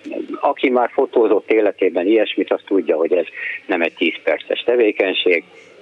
Úgyhogy eltelt körülbelül a másfél-két óra, amíg ott végig bókláztam, és lefotóztattam mindazt, amit Gondolt? uh-huh. véltem ahhoz, hogy, hogy jó legyen majd belőle az összeállítás. Szépen összepakoltam mindent, jöttem visszafelé, hát még mindig ott söpörgettek. Akkor már nem állhattam meg, és rákérdeztem, hogy, hogy hát hogy van ez, mondja, hogy zsidó temetőben mégis szombatonként is dolgoznak. Letette, ránehezedett egy kicsit a lapátra, felén fordult, és azt mondja, hogy hát kérem, általában nem szoktunk, de ma kommunista műszak van. Értem. És hogy hát ők ennyit a, róla. De hogy ők a, a temető alkalmazottai voltak, akiket berángattak? A valószínű a temető uh-huh. alkalmazottai ja, ja, ja. Hát nem kötelező a zsidó temetőben, hogy hogy zsidó vallásúak legyenek Persze. az alkalmazottak nyilván. Hát én nem tudom, nem ismerem ezt így pontosan. Úgyhogy hát csak ezt, ezt a történetet azért szerettem volna elmondani, mert egyrészt ez azt jelenti, hogy 77-78-ban már nem volt kötelező szombati munkanap. Hanem, Lehetséges, hanem igen. Csak ilyen, ilyen mondjuk, hogy önkéntes, vagy, vagy szuggeráltan önkéntes munkák voltak, mint például a zsidó temetőben az, hogy söpörgessen az alkalmazott. Ja, de hát igen, De- igen. Ez, Értem. ez az egyik, ami úgy helyére teszi, mert hallottam, hogy erről vita volt ott körülbelül, hogy al- alakult a dolog. Értem. Hát Ennyit ennyi akart. volt a poén, Jó. és semmi különösebb. De rendben volt. Hála Muszorszkinak Azon gondolkozom, hogy Emerson Lake and Palmer dolgozta fel a, a kiállítás képeit, vagy a Yes. Igen, ők Emerson, ugye? is Igen, igen, igen, igen, igen. Köszönöm szépen, Aram, hogy hívott. Egyébként szerettek ők ilyet csinálni, hát Igen. annak idején a, a Bartók ö, Barbaro, Allegro Barbarót is megcsinálták elég jól. Igen. Köszönöm szépen, hogy hívott. Nagyon szívesen. Viszont hallás. Minden jó. További jó szórakozást. Köszönöm. Jó szórakozást, én is. 24 06 95 3, 24 07 95 3 szórakozol velem? Kérdezem a hallgatótól. Jó napot kívánok, hello! Jó napot kívánok! Üdvözlöm! Én egy olyan idős nyugger vagyok, aki már az 1958-as évben kezdte meg a középiskolát. Gratulálok! A, nem, nem nekem kell, köszönöm, de ugye akkor még szombat tanítási nap Mhm, volt, igen. e, munkanap a szülőknek, tehát kommunista szombatról szó se lehetett. De társadalmi munkát azt kellett csináljunk, Emlékszem, hogy egyszer az egész osztályunkat úgy, ahogy van egyben, kivezényelték egy délután, hogy menjünk el a Kulis Gyula térre, ugye az ma a Kávária tér, és az lesz a társadalmi munka, hogy le kell festeni a kerítésnek a fémrészeit. Azaz, bizony, igen.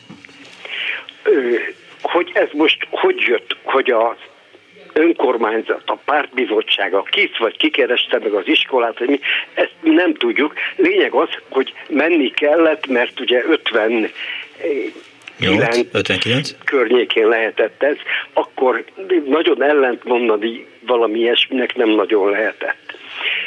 Úgyhogy kimentünk, hát annyi haszna volt az egésznek, hogy akkor legalább megtanultuk azt, hogy hogyan lehet ilyet festeni, tehát hogy először ugye jön a drótkefézés, lekeféljük a, a régi lejövő festéket, aztán alapozás, stb. Tehát tulajdonképpen egy, mivel gépipari technikumban jártam, egy kicsit a szakmához is vágott a dolog. Tehát ez egy, hogy úgy mondjam, tisztán társadalmi munka Igen. volt. Később itt az- iskolában volt még egy olyan, amit már talán nem lehetne ebben az értelemben társadalmi munkának nevezni, mert megint nem tudom, hogy hogyan, de egyszer csak közölte velünk az osztályfőnök, hogy már pedig vasárnap most megyünk Taksonyba egy TS-hez kukoricát törni. Gondolom azért annyira nem voltak ettől földobva, hát pont hiányzik nekem. Gondolom nem voltak Úgy, feldobva. úgy igazából nem, hogy mondjam, nem éreztük nagyon rosszul a dolgot. Később kiderült, hogy erre meg is volt az alatt. Mhm. Tudnélik, hát megbeszéljük, hogy találkozunk ekkor meg ekkor a, a Vágóhidi hévnél, ott ezzel a hévvel kimegyünk, a hévállomáson várt minket egy teherautó, a TSZ-nek egy teherautóra, mm. arra felszálltunk, kivittek minket olyan jó néhány kilométerre kukoricaföldre. Aha. Arra emlékszem, hogy ez a kukoricaföld pont annak a bizonyos uh, Duna-Tisza csatornának, ami akkor talán már akkor is üzemen kívül volt. Szóval mindegy, lényeg, hogy nem üzemelt, víz még volt benne, Igen, annak a déli oldalán volt, és törtük a kukoricát, és mondták, hogy majd este, mit tudom én, hány órára, négyre vagy ötre jön érte visszunk a, teherautó, addig, a meg, addig meg lehet törni. Hát addig meg lehet törni. Hát törtük a kukoricát, és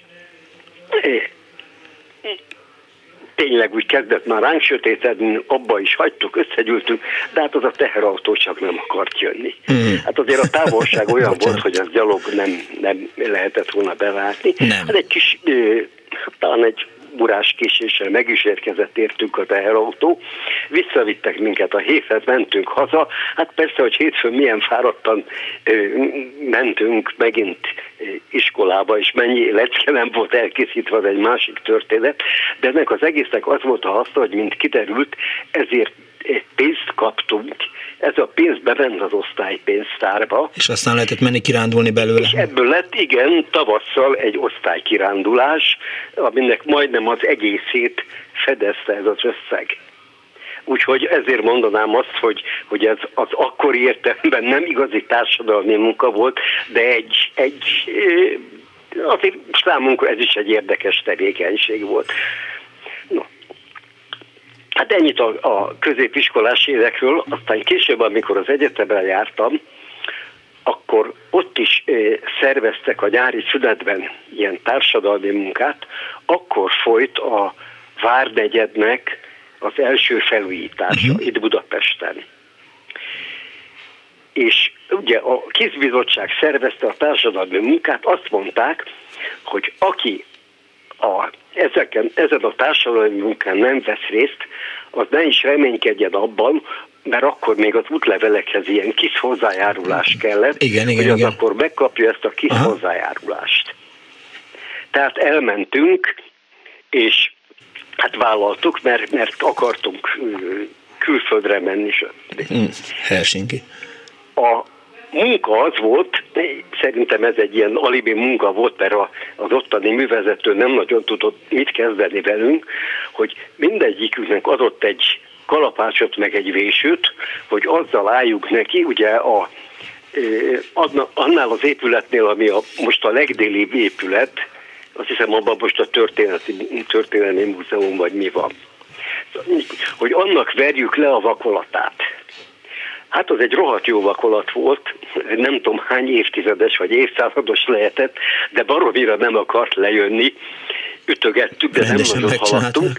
Közben láttuk, hogy a, az igazi melósok, azok odaálltak egy légkalapáccsal, és azzal pillanatok alatt lefejtettek nagyon nagy területeket mit csináltunk, akkor, amikor ők elmentek ebédszünetre, akkor elkértük tőlük a légkalapácsot, és nekiálltunk, és egy perc fél alatt. óra alatt Igen. bőven vágtunk, lefejtettünk akkor a felületet, Igen. amit egész napra elvártak volna tőlük. Igen, klasszikus. Igen. Igen. Hát közben Persze ebédet kaptunk hideg csomagban, tehát reggel mielőtt ide, mert az egyetemről vittek minket ide ki autóbuszra, mindenki kapott egy hideg csomagot, amiben volt annyi ebéd, hogy, hogy az úgy azért nagyjából elég volt, és ténylegesen az volt, hogy amikor utána külföldre akartunk menni, akkor nem volt akadálya a annak, hogy a kis ajánlást megkapjuk az útlevélhez. Ez igen. Aztán később egyetemi oktatóként is volt szerencsém ilyen társadalmi munkában részt venni. Amikor? E, hát ez valamikor a 70-es évek vége, 80-as évek eleje lehetett. Az egyetem megállapodást kötött a, a Máté Szalkai azt hiszem állami gazdaság volt de lehet, hogy ti ezzel nem tudom. Szóval a lényeg az, hogy a, ugye nem volt elég munkaerő már akkor sem az alvaszedéshez. Hogy az egyetemisták ilyen hetes turdusokban lemennek, és albát szednek, feltételezem, hogy azért az egyetem valamilyen térítést kaphatott. És akkor olyan volt, hogy az egyik héten lementek a villamosmérnöki karról, egy másik héten a gépészmérnöki karról, stb. Tehát így, így váltva ilyen hetes turnusokban. Külön vonattal vittek le minket Budapestről, a, a, oda ha jól emlékszem, mi Hodászon szálltunk le a vonatról, ott alakított ki az állami gazdaság. Külön erre a célra épített ilyen szállásépületeket, Gondolom, barakokat, diákszobákkal és kétágyas tanárszobákkal, zuhanyozóval, stb. És akkor egy hétig tehát gyakorlatilag hétfőtől péntekig ott dolgoztunk, és a hétvégén ugyanígy egy külön vonat visszavitte a társaságot Budapestre. És akkor ezt az időt... Mi ezt... volt ennek az anyagi háttere az egyetem és a, az állami gazdaság között, azt nem tudom, de a, se a diákok, se mi, akik mint ilyen vezető, meg felügyelő tanárok ott voltunk, ezért külön jutatást nem kaptunk. Igen, az egyik hallgató írta... A teljes ellátás, tehát koszt, hmm, párté az megvolt. Az... És annyi almát tehettünk, amennyit akartunk, meg amennyit még az első nap után meg tudtunk enni. Ja. Köszönöm szépen, hogy hívott. Az egyik hallgató még, írta... Még egyet hagy mondanék, hogy volt, van Igen? egy utolsó, Na. ugye volt 2014-ben az a hatalmas nagy szélvihar decemberben, ami gyakorlatilag tönkretette az erdőket. Igen. És 2015 áprilisában a Tájfutó Szövetség, mert én egyébként 60 éves tájfutó is vagyok, egyszer csak közétette a, a levelező listán, hogy társadalmi munkát szervez, uh-huh. hogy most ez a Tájfutó Szövetség ajánlotta fel a, a erdészetnek, hogy az erdészet kérte a tájfutókat, megint nem tudom. A lényeg az, hogy menjünk föl dobogókőre, és ott a az erdészet megmutatja, hogy milyen részt kellene úgy megtisztítani ezek, ettől a lehullott gajaktól, Letört, tehát igen, igen, a szél mindent ott összehordott, és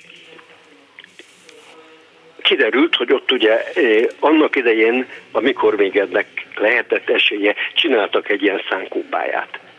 Na és ezt a szánkópályát tehát ennek az írtásért, ami nem, volt, ami nem erdő volt, hanem egy ilyen füves rész, ezt kellett tulajdonképpen tisztába tenni, uh-huh. hogy oda az aljára félre valóva összehordani az összes gajat. Hát ezt akkor mi, majd jól emlékszem, olyan 30 körüli társaság azért oda fölmentünk, és ezt, ezt megcsináltuk szintén így társadalmi munkában, gondolva arra, hogy az sosem árt, ha a de ugye a mi terepünk az erdő, Igen. az erdészet és a tájfutó szövetség közötti kapcsolat az jó.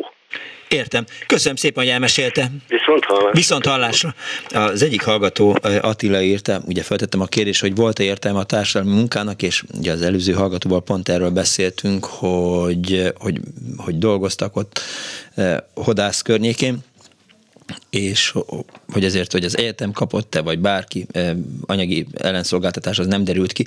Azt írja Attila, amikor feltettem a kérdést, hogy volt-e értelme. Persze, hogy volt értelme, ha egy évben volt kettő vagy három kommunista szombat vagy vasárnap, amikor ingyen dolgozott a nép, zárójel jó olyan 70%-os kapacitással, de akkor is évente annyi talált pénz volt a költségvetésnek, na, meg lehetett szondázni a lakosság morgolódását a hatalommal szemben. Úgy rémlik, 1988-ban is volt kommunista szombat vagy vasárnap, de ez csak szubjektív észrevétel. Most nem mesélek egy történetet ebben kapcsolatban, majd valamikor máskor. Azt írja ETA, 89 terén azt a feladatot kaptam, hogy Pesten a megadott című patikába menjek el, megadott című patikákba menjek el, és a megbeszélt gyógyszereket szedjem össze. Úgy telepakoltam a de díszítésű kis polszkimat, hogy alig tudtam bejutni a Mérleg utcába vele, ott átadtam az egészet Rajklacinak, ki másnap itt Erdélybe, bárcsak ma is adhatnék, átadhatnék neki valamit, egy szomorú smile-val írta ezt Szegő Eta. Hát tudod, Eta, én is amikor futok a filmei úti temetőben, akkor mindig eszembe jut Laci is, meg Krassó Gyuri is, meg azok a barátok, akik ott fekszenek, hogy hogy már nem találkozunk, gyakran eszembe jutnak ők is. Azt írja Misi, és ebben nincs igazad, Misi, kikérem magamnak, aki igazán mesélni tudnának, azok most ebéd utáni alvásban vannak, én is ebéd utáni alvásban lennék, de hát ez sajnos vasárnap sosem jön össze, szombaton meg más miatt nem. A kommunista műszakról el, tudnák mesélni, ha volt ember, akkor nem volt lapát, ha volt lapát, nem volt ember, ha volt mindkettő, akkor esett az eső, poénkodik nekem Misi a Viberen, és a patronáshoz írja még az egyik hallgató az Anu Budapest Facebook oldalán. 1955-59-es években volt a gyermekbénulási járvány, sok súlyosan beteg kisgyerek került állami gondozásba. Emlékszem őket, brigádok patronálták, látogatták ruhákat, gyümölcsöt és édességet hoztak nekik. Iskolás korukban követték eredményeiket, voltak, akiket hétvégére magukhoz hazavittek, írta a hallgató. És egy betelefonálóban a vonal túlsó végén napot kívánok! Jó napot kívánok! Hát kicsit régebbi, tehát mondjuk 70-es, 80-as évekbeli történeteket mesélnék. Legjobb. Középiskolai tanár voltam, és mindig volt az őszi társadalmi munka. Egészségügyi szakközépiskola volt, és ezért szeretettel vittek minket olyan helyek, ahova már megvolt az orvosi vizsgálatunk, tehát nem kellett várni ránk. Uh-huh.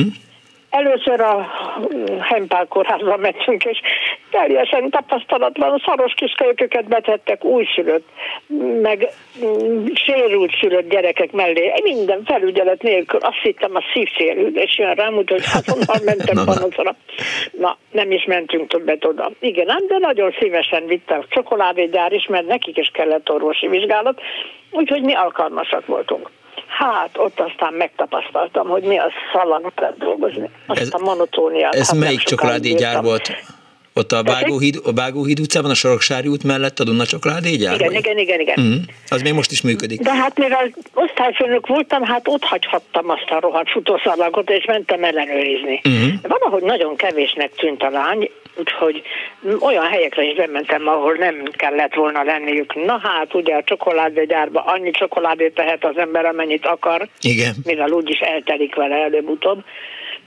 Az én társaságom persze ellopott egy láda rumos megyet, uh-huh. és leült a sarokba, és kiitta a rumot, ott hagyva a csokoládét. Jaj, Szép társaság. hogy mit csináljak.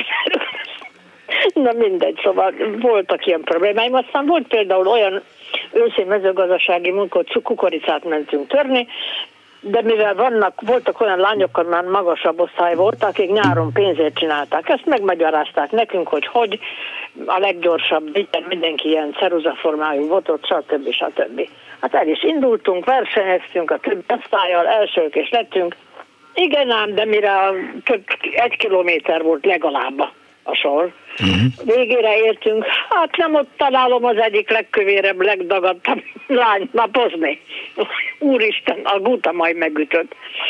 Aztán hát természetes kapott ő is büntetést. Aztán hazafele jövet egy gyorsított személlyel, hát ültünk benne a kocsiban és beszélgetünk. Egyszer csak bejön a peronról egy lány, halott sápadtan, no. hogy menjek ki. Na hát kérem szépen, két dicső kukoricatörőnk lemászott a lépcsőn, a legalsó lépcsőfokra, és ott élvezte a szelet, ami csapta őket.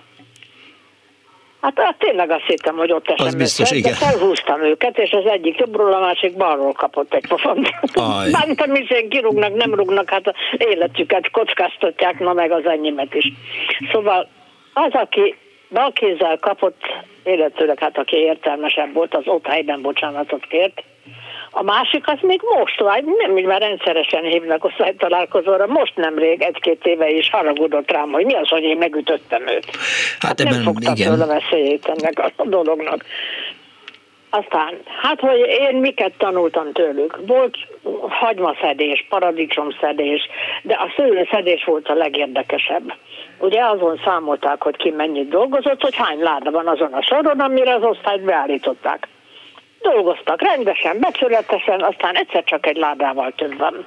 Figyelem, figyelem, hát olyan ügyesen, olyan villám gyorsan loptak el a másik sorból ládákat, hogy azt szinte észre se lehetett venni. Na tovább, ment. rengeteget tanultam, Mhm. sok izgalommal járt, és hát nehéz volt kitalálni, hogy mit csináljon az ember, hogy ne, történj, ne történjenek életveszélyes balesetek. Igen, hát fiatalok azok ilyen vadak, mint tudjuk. Sajnos. Köszönöm szépen, hogy hívott. Viszonthallásra. Kész sok viszont hallásra. Azt írja a hallgató a Viberen, hogy most is van kommunista szombat, termet festünk az iskolában az induló osztálynak. Halló, jó napot kívánok! Kisnál Péter vagyok. Hello Péter, szavasz! Üdvözlöm a hallgatókat. Csak röviden szólok, és azért telefonálok, mert előbb ugye beszélt ez a ember hallgató, hogy a szombati napon látott a zsidó temetőben dolgozni embereket. Én hagyosszak meg egy nem saját élmény, de úgy gondolom, hogy nagyon fontos, mert a Magyar Zsidó Kulturális Egyesületnek most már öt éve partnere egy ASF nevű német evangélikus ifjúsági szervezet, Ők azok, akik ide jönnek Magyarországra, és zsidó temetőket hoznak rendbe, igen. Végeznek, ezt ők nem nevezik társadalmi munkának, Mhm. uh-huh. ide jönnek a saját pénzükön Magyarországra, és dolgoznak a zsidó temetőben. Igen. Tíz napig, két hétig, mikor hogy jön ki a lépés. Nem szakmunkások, de egyetemisták, fiatal felnőttek. Sírköveket tisztogatnak, ahhoz nem Sírköveket kell. Tisztogatnak, újra festik a neveket rajtuk. Sokan, akik járnak a temetőbe, csodálkoznak, hogy mit keresnek ott, miért csinálják. És azt gondolom, hogy a példa is nagyon humánus, emberi a megnyilvánulásuk, de én elképedek mindig, hogy mindegy, hogy idén nyáron is a legnagyobb kánikulában is ott dolgoztak, csinálják. Tehát azt gondolom, hogy ez a példa azt mutatja, hogyha van értelmes cél, van egy fontos, hogy mondjam, küldetés vagy üzenet, mindegy, hogy melyik magasztosabb kifejezést használom, akkor érdemes ezt a munkát végezni, és azért gondoltam, hogy ezt megosztom ezt az élményt. Abszolút jól tetted, Péter. Itt közben az egyik hallgató a Anu Budapest Facebook oldalán föltette a kérdést, hogy a hallgató, akivel beszélgettem, a Diaporáma alkotó, aki ugye az egy kiállítás képei című darabhoz próbált anyagot gyűjteni. Ő bement szombaton egy zsidó temetőbe, és így azt kérdezik Kolta Éva itt az Annó Budapestnél, hogy szombaton bement a Kozma utcai temetőbe. Bemehet az ember, nem? Tehát nincs. Én, a Kozmoncai temető az zárva van szombaton.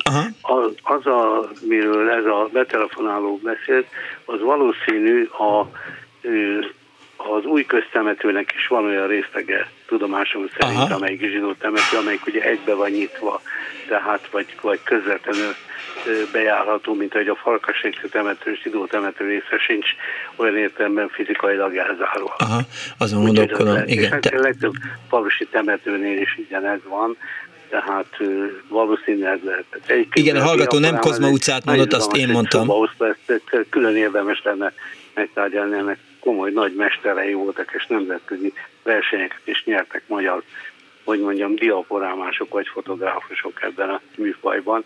Erre egyszer érdemes visszatérni, mondjuk ha még nem tudom milyen hány éves most Dám László pécsi fotográfus, aki ennek a magyarországi nagymestere volt ennek. értem, azért Péter, hagyj hívjam fel arra a figyelmet, hogy ez egy rádióműsor, és nagyon nehéz diaporámákról beszélgetni úgy, hogy nem látjuk a vagytok, képeket. Már mindent lehet követni. Az Persze, is jó igaz, eset, tehát, Megjegyzésképpen mondtam. Persze, persze, persze, persze, Ja, persze. És Oké, a hallgató, mert több hallgató Jó, igen. akar telefonálni, és én most nem osztom meg a saját társadalmi munkaélményeimet, mert az egy külön Oké, okay, Péter, jól van, Oké. köszi, szevasz. Szia. Azt írja az egyik hallgató, Piroska, a 70-es években a Pécsi Vegyipari Szakközépiskolában mi, a mi KISZ alapszervezetünk a Pécsi Aradi Vértanúk úti óvodát patronálta. Azt kifejtheted, Piroska, ha gondolod, hogy miből állt a patronálás. Sikító Fűrész azt írja, 1971 két szocialista üzem oda patronálta az iskola udvarunkra mérleghintát, mászókát és más játékot, Cserébe november 7-én műsort adtunk a dísztermükben, szegény szakik duplán szívtak, írja a hallgató, mármint eh, Sikító Fűrész a 06 30 30 30 95 3-ra. Hamarosan egy hallgató van, és ugye mondta Péter, hogy, hogy rövid lesz, azért próbáltam mintetni Daninak megjelezni, hogy, hogy akkor hívjuk a következő hallgatót, csak, és itt is van a hallgató, csak Dani eltüntette az üzenetet, úgyhogy kicsit megakasztotta a műsor folyását. Halló, jó napot kívánok! Jó napot kívánok! Kész csók! Én csak érintőleg tudom a szabadszombatot belehozni a sztorimba, Na. de nagyon idős vagyok, és el szeretném mesélni, mert, mert bennem van. Na, tessék. 56-ban volt egy jeges árvíz a Igen. Dunán. Igen. Ön nem emlékszik rá? Nem, de olvastam róla. Én már részese voltam. Uh-huh. És menteni kellett az állatokat, mert ugye a Dunának ilyen kis befolyásai voltak, ahová a fiatal, nem gyerekeket, de akik evezős szakon volt, nem Mhm. szak, hanem Sportoltak? sportoltak, igen, Mhm. és Baján elég sokan voltunk, és ilyen nagy ladikokkal felnőttek, eveztek, mi meg a csónak elején, meg a csónak végén voltak ezek a 14-15 éves gyerekek, és szedegettük össze az állatokat, Ó, a kis állatokat, Mhm. mert a nagy állatokat a felnőttek szedték be. És azt szeretném elmondani, hogy ezek a kis állatok szinte nem tiltakoztak, hogy meg vadállatok, ugye, hogy beemeljük a csónakba. Hagyták magukat. És annyira megható volt, hogy a rémületet lehetett látni, a nyuszi, vagy a róka, vagy én azt hiszem még hörcsögöt, nem hörcsög, hanem menyétet, Mhm.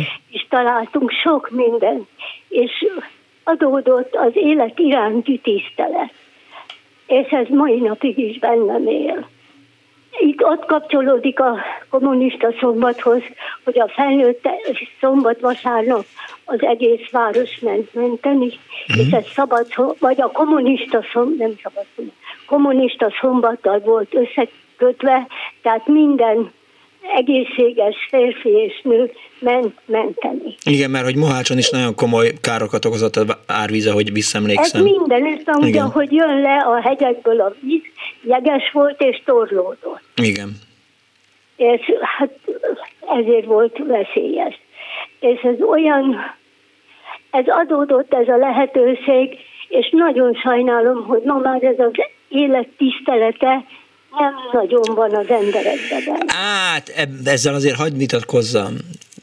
Tehát, hogy vitatkozzak. Szóval, hogy itt látta, beszélgettünk Orosvári Zsolttal, ugye a műsor elején. Tehát, hogy, hogy szerintem a, jó, biztos vannak olyan pontok, ahol az ember nem érzékeli az élet tiszteletét, de szerintem azért nagyon sok más ponton van. Tehát, hogy, hogy azért ne temessük el még a, a világot végérvényesen szerintem ebben a tekintetben. Ja, én nem így gondoltam. Hanem. hanem, hanem úgy gondoltam, hogy ugye most már nevelik bele az emberekbe, hogy segíts ezen, így lélegeztes meg úgy, akkor adódott a dolog. Tehát egy, egy reflexzerű automatizmus volt. Ja, értem, mire gondol. Aha. A háború után a segítségnyújtás is, meg az adakozás is, meg minden, ami valahogy természetesnek tűnt. Értem. Itt meg az is, hogy kommunista szombat, teljesen mindegy volt a neve, nem kellett összefogdosni az embereket. Mhm. Mentek maguktól. És a diákok is mentek, és természetes volt, hogy a, a, a sportolók szinte minden szakon mentek. És ez olyan jó érzés visszagondolni, hogy senki sem mondta, hogy gyerünk, hanem mindenki ment a maga közösségével, és tette a dolgát. Biztos vagyok benne, hogy nagyon sok fiatal vesz részt ilyen közösségi tevékenységben, amit tehát a Budapest Bike Mafia környékén, akik élelmiszert csomagokat állítanak össze, hajléktalanoknak osztják ki őket, naponta jönnek, mennek a városba, tehát hogy, hogy, hogy azért vannak ilyenek, és biztos, hogy fiatalok is nagyon sok ilyen dologban vesznek részt, nem csak azért, mert hogy az érettséghez kell igazolniuk társadalmi munkát, vagy valami Igen. ilyesmit, hanem Ebből, ebből következtettem, hogy most kötelező ahhoz, hogy gimnazista valaki, akkor Igen. Ez, nem tudom én hány napba kell csinálni. Igen, de szerintem a fiatalok körében menő ez a, ez a közösségi szolgálat. Tehát én ebben azért hiszek. Én meg bízom benne. Az még jobb. Köszönöm szépen, hogy hívott. Viszont hallásra. Jó egészséget kívánok. Szombaton is volt, úgyhogy senki nem lázadt ellene. Nem, nem, nem. Hát kapott volna hát, a fejére. mert a neve az volt, de attól még mindenki rajt maradt. Igen. Köszönöm szépen, hogy hívott. Viszont hallásra. Kész csokom, viszont hallásra. 24 06 95 3, 24 07 95 3, akik most kapcsolódnak be az adásunkba, azonnak elmondom, hogy a társadalmi munkáról, a e, különféle patronálásokról és a kommunista műszakokról szól ma az Annó Budapest. Írta is a az egyik hallgató, Juli e, Jutka, hogy a minőségi cipőgyár fiataljai, az Asztalos János, ma közszolgált egyetem Campus Parkban társadalmi munkában kiástuk a csatorna lefektetéséhez szükséges árkot. Gondolom ez valamikor a 60-as években lehetett. Halló, jó napot kívánok! Jó napot kívánok, én vagyok vonal? Igen, ön. Tiszteletem, Imre vagyok. Üdvözlöm, Imre. Szerkesztő úr, arról szeretném röviden tájékoztatni, hogy én 76-ban érettségiztem, és ugye 74-75 környékén volt az a, az a mutatvány, hogy ugye 30 éve felszabadultunk, Igen. és akkor itt elkezdték nekünk kántálni a, a, a KISZ meg a pártvonalon. Ugye akkor még ez elég nagy vonalakba ment, hogy, hogy 30 kilométer járdát a kerületér. Ja, mert hogy 30. évfordul, akkor 30 kilométer járda legyen. Így van, így van. És akkor hát azt nem merték ránk bízni, hogy a, a sárga szegélyköveket mi, mi, mi rakjuk le, ilyen 14-15 éves kölkök, mert 76-ban lettünk érettségizők, hanem azt szakemberek lerakták. Uh-huh. Hát ilyen beton, nem tudom én, utánzatba, ugye mert hát a homok meg a, meg a, meg a beton azért az annyira nem, az, azt egyszerre kellett volna lerakni, és akkor lényeg a lényeg, hogy jött a, jött a billencs, akkor leborította ott a félig száraz betont, akkor azt ott a, a fiatalok, a 14-15 évesek azok behányták oda a, a sárga kövé, kövek mögé, uh-huh. és, és akkor utána az a, már az aszfaltozást sem ránk bízták nyilván, hanem, hanem azt már szakemberek rakták le. Most beszéltem olyan osztálytársammal, aki előtt a lakása előtt, vagy, a, vagy az ingatlan előtt szintén ez a, ez a mutatvány működött, hát nem sok köszönet volt benne.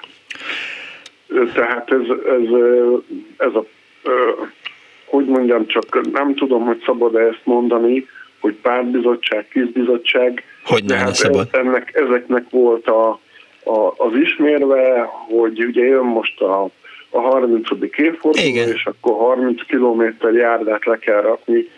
Ez, ez a Csepelen, nem tudom, mondtam el, hogy Csepelen érettségiztem. Azt nem mondta. És, hogy, hogy, hogy, Csepelen le kell rakni 30 kilométer járdát, amiben túl sok köszönet azért nem volt, de hát mégiscsak, mégiscsak lerakták ezt a járdát. Hát az úgynevezett látszattevékenység. Így van, így van. Mert de itt van Ennyit egy... szeret- Ja, jó, ennyit itt van előttem egy 1986-os újság, ott is e, arról szól, hogy kommunista műszakot tartanak szombaton országszerte, a kommunista műszak bevételét szociális célokra ajánlották fel, és például a Csepeli Csepel művekben és dolgoztak szombaton, parkosítottak meg mindenféle de hülyeségeket csináltak, még 86-ban is Igen, a, még a, még a, a Csepel művekről, mert a szüleim onnan mentek nyugdíjba, csak annyit szerettem volna elmondani, hogy mi oda jártunk be ö, ilyen műszaki gyakorlatra egy Mhm. héten egyszer, és akkor még ez úgy, úgy működött, hogy csak belépővel lehetett menni a kapukon. Aha. Most már, most már be lehet menni. boldog-boldogtalan bemehet szoktam is. Akármivel, Igen. kocsival, bármivel, és belépővel lehetett menni, Mhm. és akkor 30-40 ezer ember a pártalan éppel egy az utunk című melódiára vonultak be reggel 6 óra fél hét magasságába a csepelművekbe, és akkor végezték a, a dolgukat. De ez ugye a hangszórókból szólt, a pártalan néppel egy, egyazotunk a jelszavunk munka és béke, mi kommunista ifjak indulunk, mert bennünk apáink úgy, reménye. Úgy, úgy, úgy, de hát volt, volt. Dani elcsodálkozott. Volt, aki, volt, aki énekelte is, de hát azt azért annyira nem, nem nézték jó szemmel. Ja, értem. Köszönöm szépen Imre, hogy hívott. Viszont hallásra. Viszont hallásra. Mi van, Daniel? Elkápráztattalak? Egy jó szonggal? Majd, ha gondolod, akkor biztos, hogy lesz olyan, amikor amikor éneklek még neked, csak nem rádióműsorban, mert úgy azt De jó lenne, tehát hogy alig várnám, de nem, egyébként azon lepődtem csak Nem, meg, hogy... kiadhatnánk egy lemezt, Banksnaded Miklós nótái. Igen, tényleg, nóta csokor, Miklóssal és... Geyer Floriándal átelénekelném, meg mindenféle hú, ilyen dalokat. Korda Györgytől a Reptér című számot.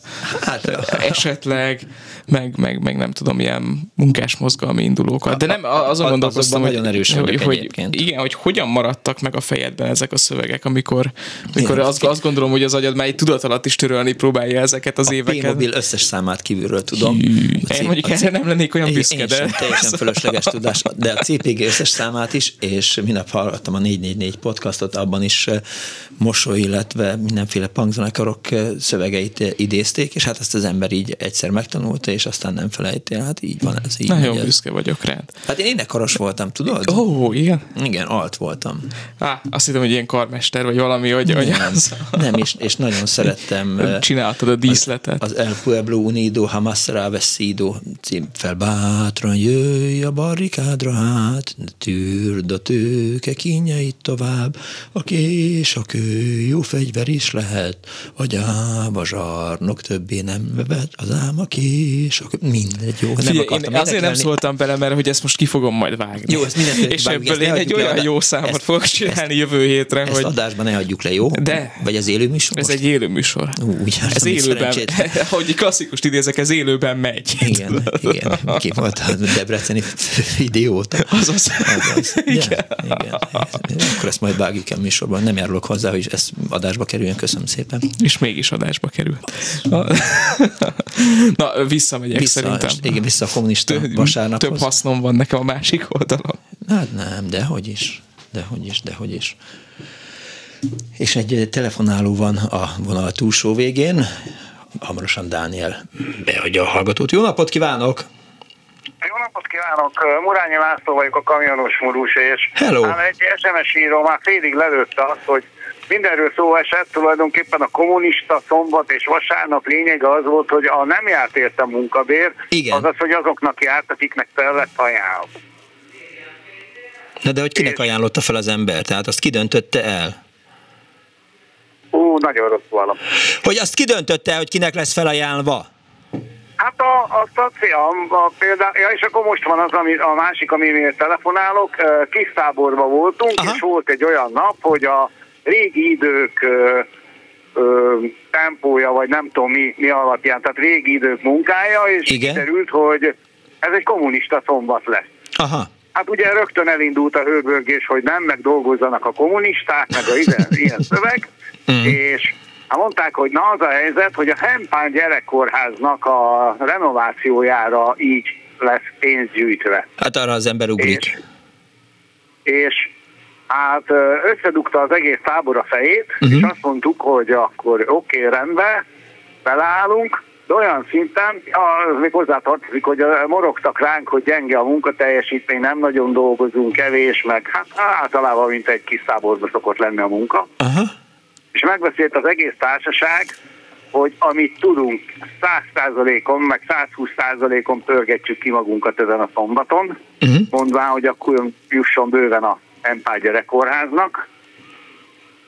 Olyan szinten sikerült ezt megvalósítani, hogy a targoncások, akik hordták a gépsorra a, a gyümölcsöt, a csajok válogatták, Aha. mi fiúk meg hordtuk az üveget, hogy azt mondta a vezetőség, hogy kettő, két és félszeres napi munkát sikerült ledobnunk egy, egy nap alatt, hogy ilyenről álmodni sem mertek volna. Úgyhogy az egész tábor meg lett dicsérve arra az egyetlen egy napra, ugye uh-huh. hétfőre meg visszaállt az egész munkarend, úgyhogy Tehát a, dolgozott az egész társaság. Hoztátok a 60-70 százalékot, de amikor kellett, akkor sikerült ezt duplára, vagy duplájá másfélszeresre teljesíteni?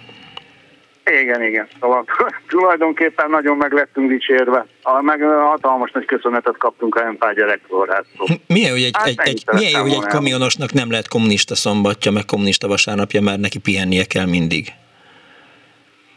Nagyon rosszul hallom tényleg. Annyit értettem az egész, hogy valakinek pihenni kell végig. Nem, azt mondtam, hogy egy kom- kamionosnak nem lehet kommunista szombatja és kommunista vasárnapja, mert hogy neki megvan adva, hogy mikor kell pihennie, tehát nem... Hát az a helyzet, most is munkába vagyok, vezetek, gyorsan romló élelmiszer szállítok, és ezt, ezzel nem lehet megállni.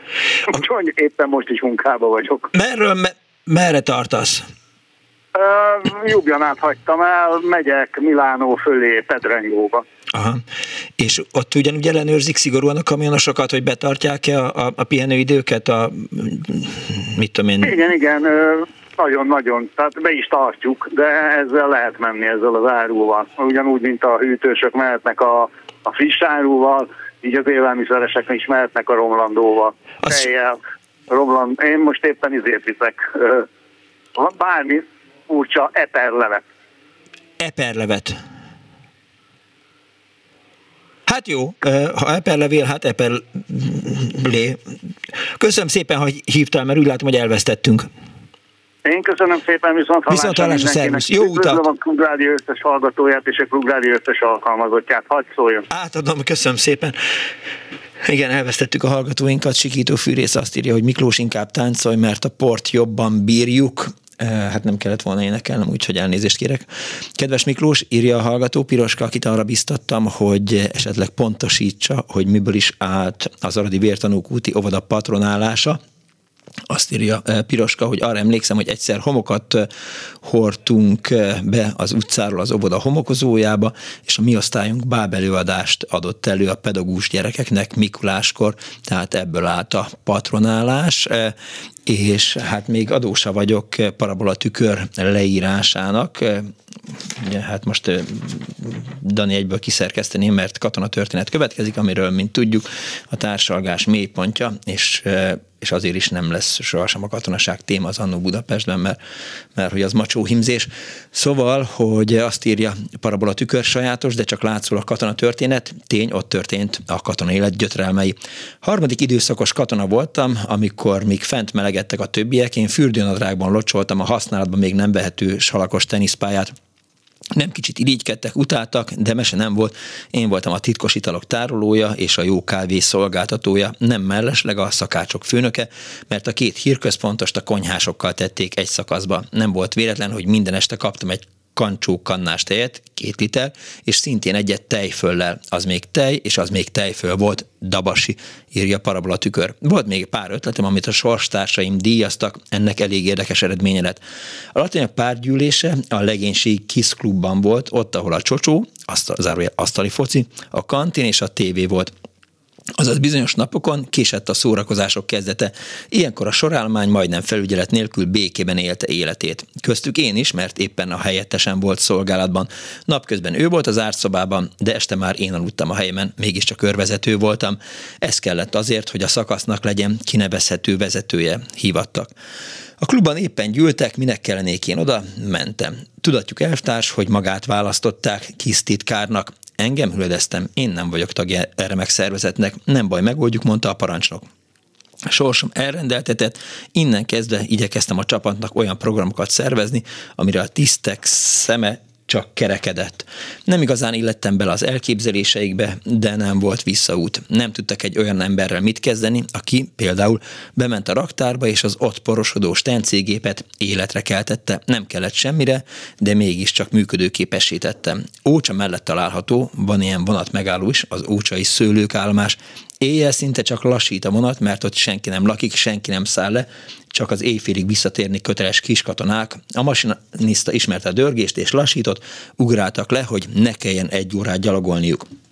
A környékborát ecettel szokták feljavítani, de arra jó volt, hogy szüretelés indokol a csapat kiszabadulhasson a fogságból, fizetség nélkül. A helyiek örültek a segítségnek, mi meg a kapott, azért a finomabbból kiemelt italnak. Énekelve mentünk vissza, de mivel volt velünk egy tisztes, senki nem szólt. Az egyik legnagyobb katonai időszaki meglepetésem a kis tábor volt. Mondták a régiek, hogy nem rossz az, de ami várt, attól padlót fogtam. Balaton lelle, egy hét. Szervezett napközbeni előadások, programok, a többi idővel magunk gazdálkodhattunk teljesen kötetlenül. A résztvevők az ország laktanyáiból verbuválódtak, erre számítottam, de azt, hogy a katonai szervezetek óvodai nevelői, kórházakból nővérei és mindenhonnan irodista nők is lesznek, az egy kicsit meglepet. Ezzel vált egy kis lihegő táborrá. Na jó, nem kis, kis, hanem hatalmas orgiává alakultak az éjszakák, parton, vizen, levegőt alig kaptunk. Kemény volt akkoriban a katona élete, írta parabola tükör ebben a hosszú dolgozatában, amit az Annó Budapest Facebook oldalán helyezett el. Most még oda nézek a Facebook oldalunkra, mert vége van a műsorunknak hogy van-e még olyan hozzászólás, amiről nem tettünk említést. Igen, Somogyi Andris figyelmeztet arra, hogy Kolontár az hétfői napon volt. Igen, igazadban elnézést kérek, én nem tudom, hogy miért emlékeztem csütörtökre, csak azt tudom, hogy másnap, illetve nem másnap, hanem aznap hétvégén végi címlap szerkesztő voltam az Origóban, az még épeszi Origónál, és volt egy ilyen bakim, nagyon figyeltem rá, hogy nehogy kolompárt írjak kolompár helyet, és annyira figyeltem, hogy kolontárt írjak, hogy végül kolompárt írtam, és szerintem még az URL-ben úgy is maradt, na, ennyit erről, úgyhogy azt elrontottam, és még azt nézem, hogy Kardos Józsi rakott be a cikkek mellett elhelyezett néhány képet, ami arról szólt, hogy a vákumtechnikai gépgyár segítsége a Mincenti és Kistelki gépállomásnak, ezek is ilyen kommunista szombatok voltak, erről van cikkek olvasható az Annó Budapest Facebook oldalán.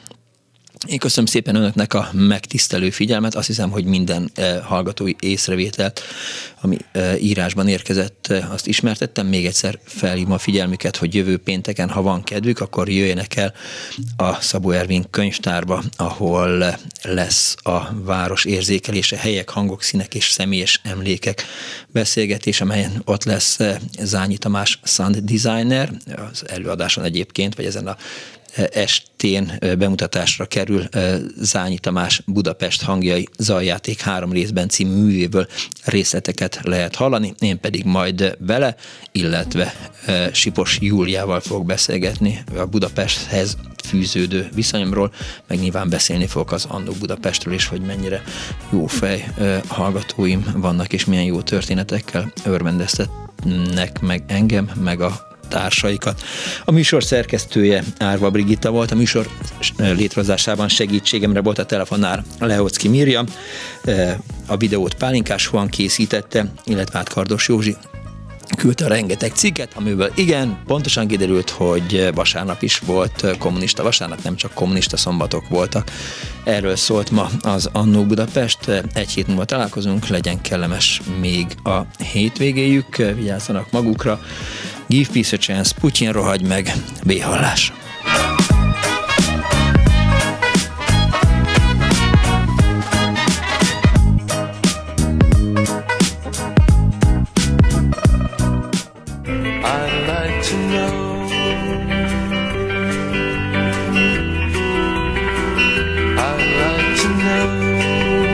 István búcsúzik, take good care everybody and bye bye.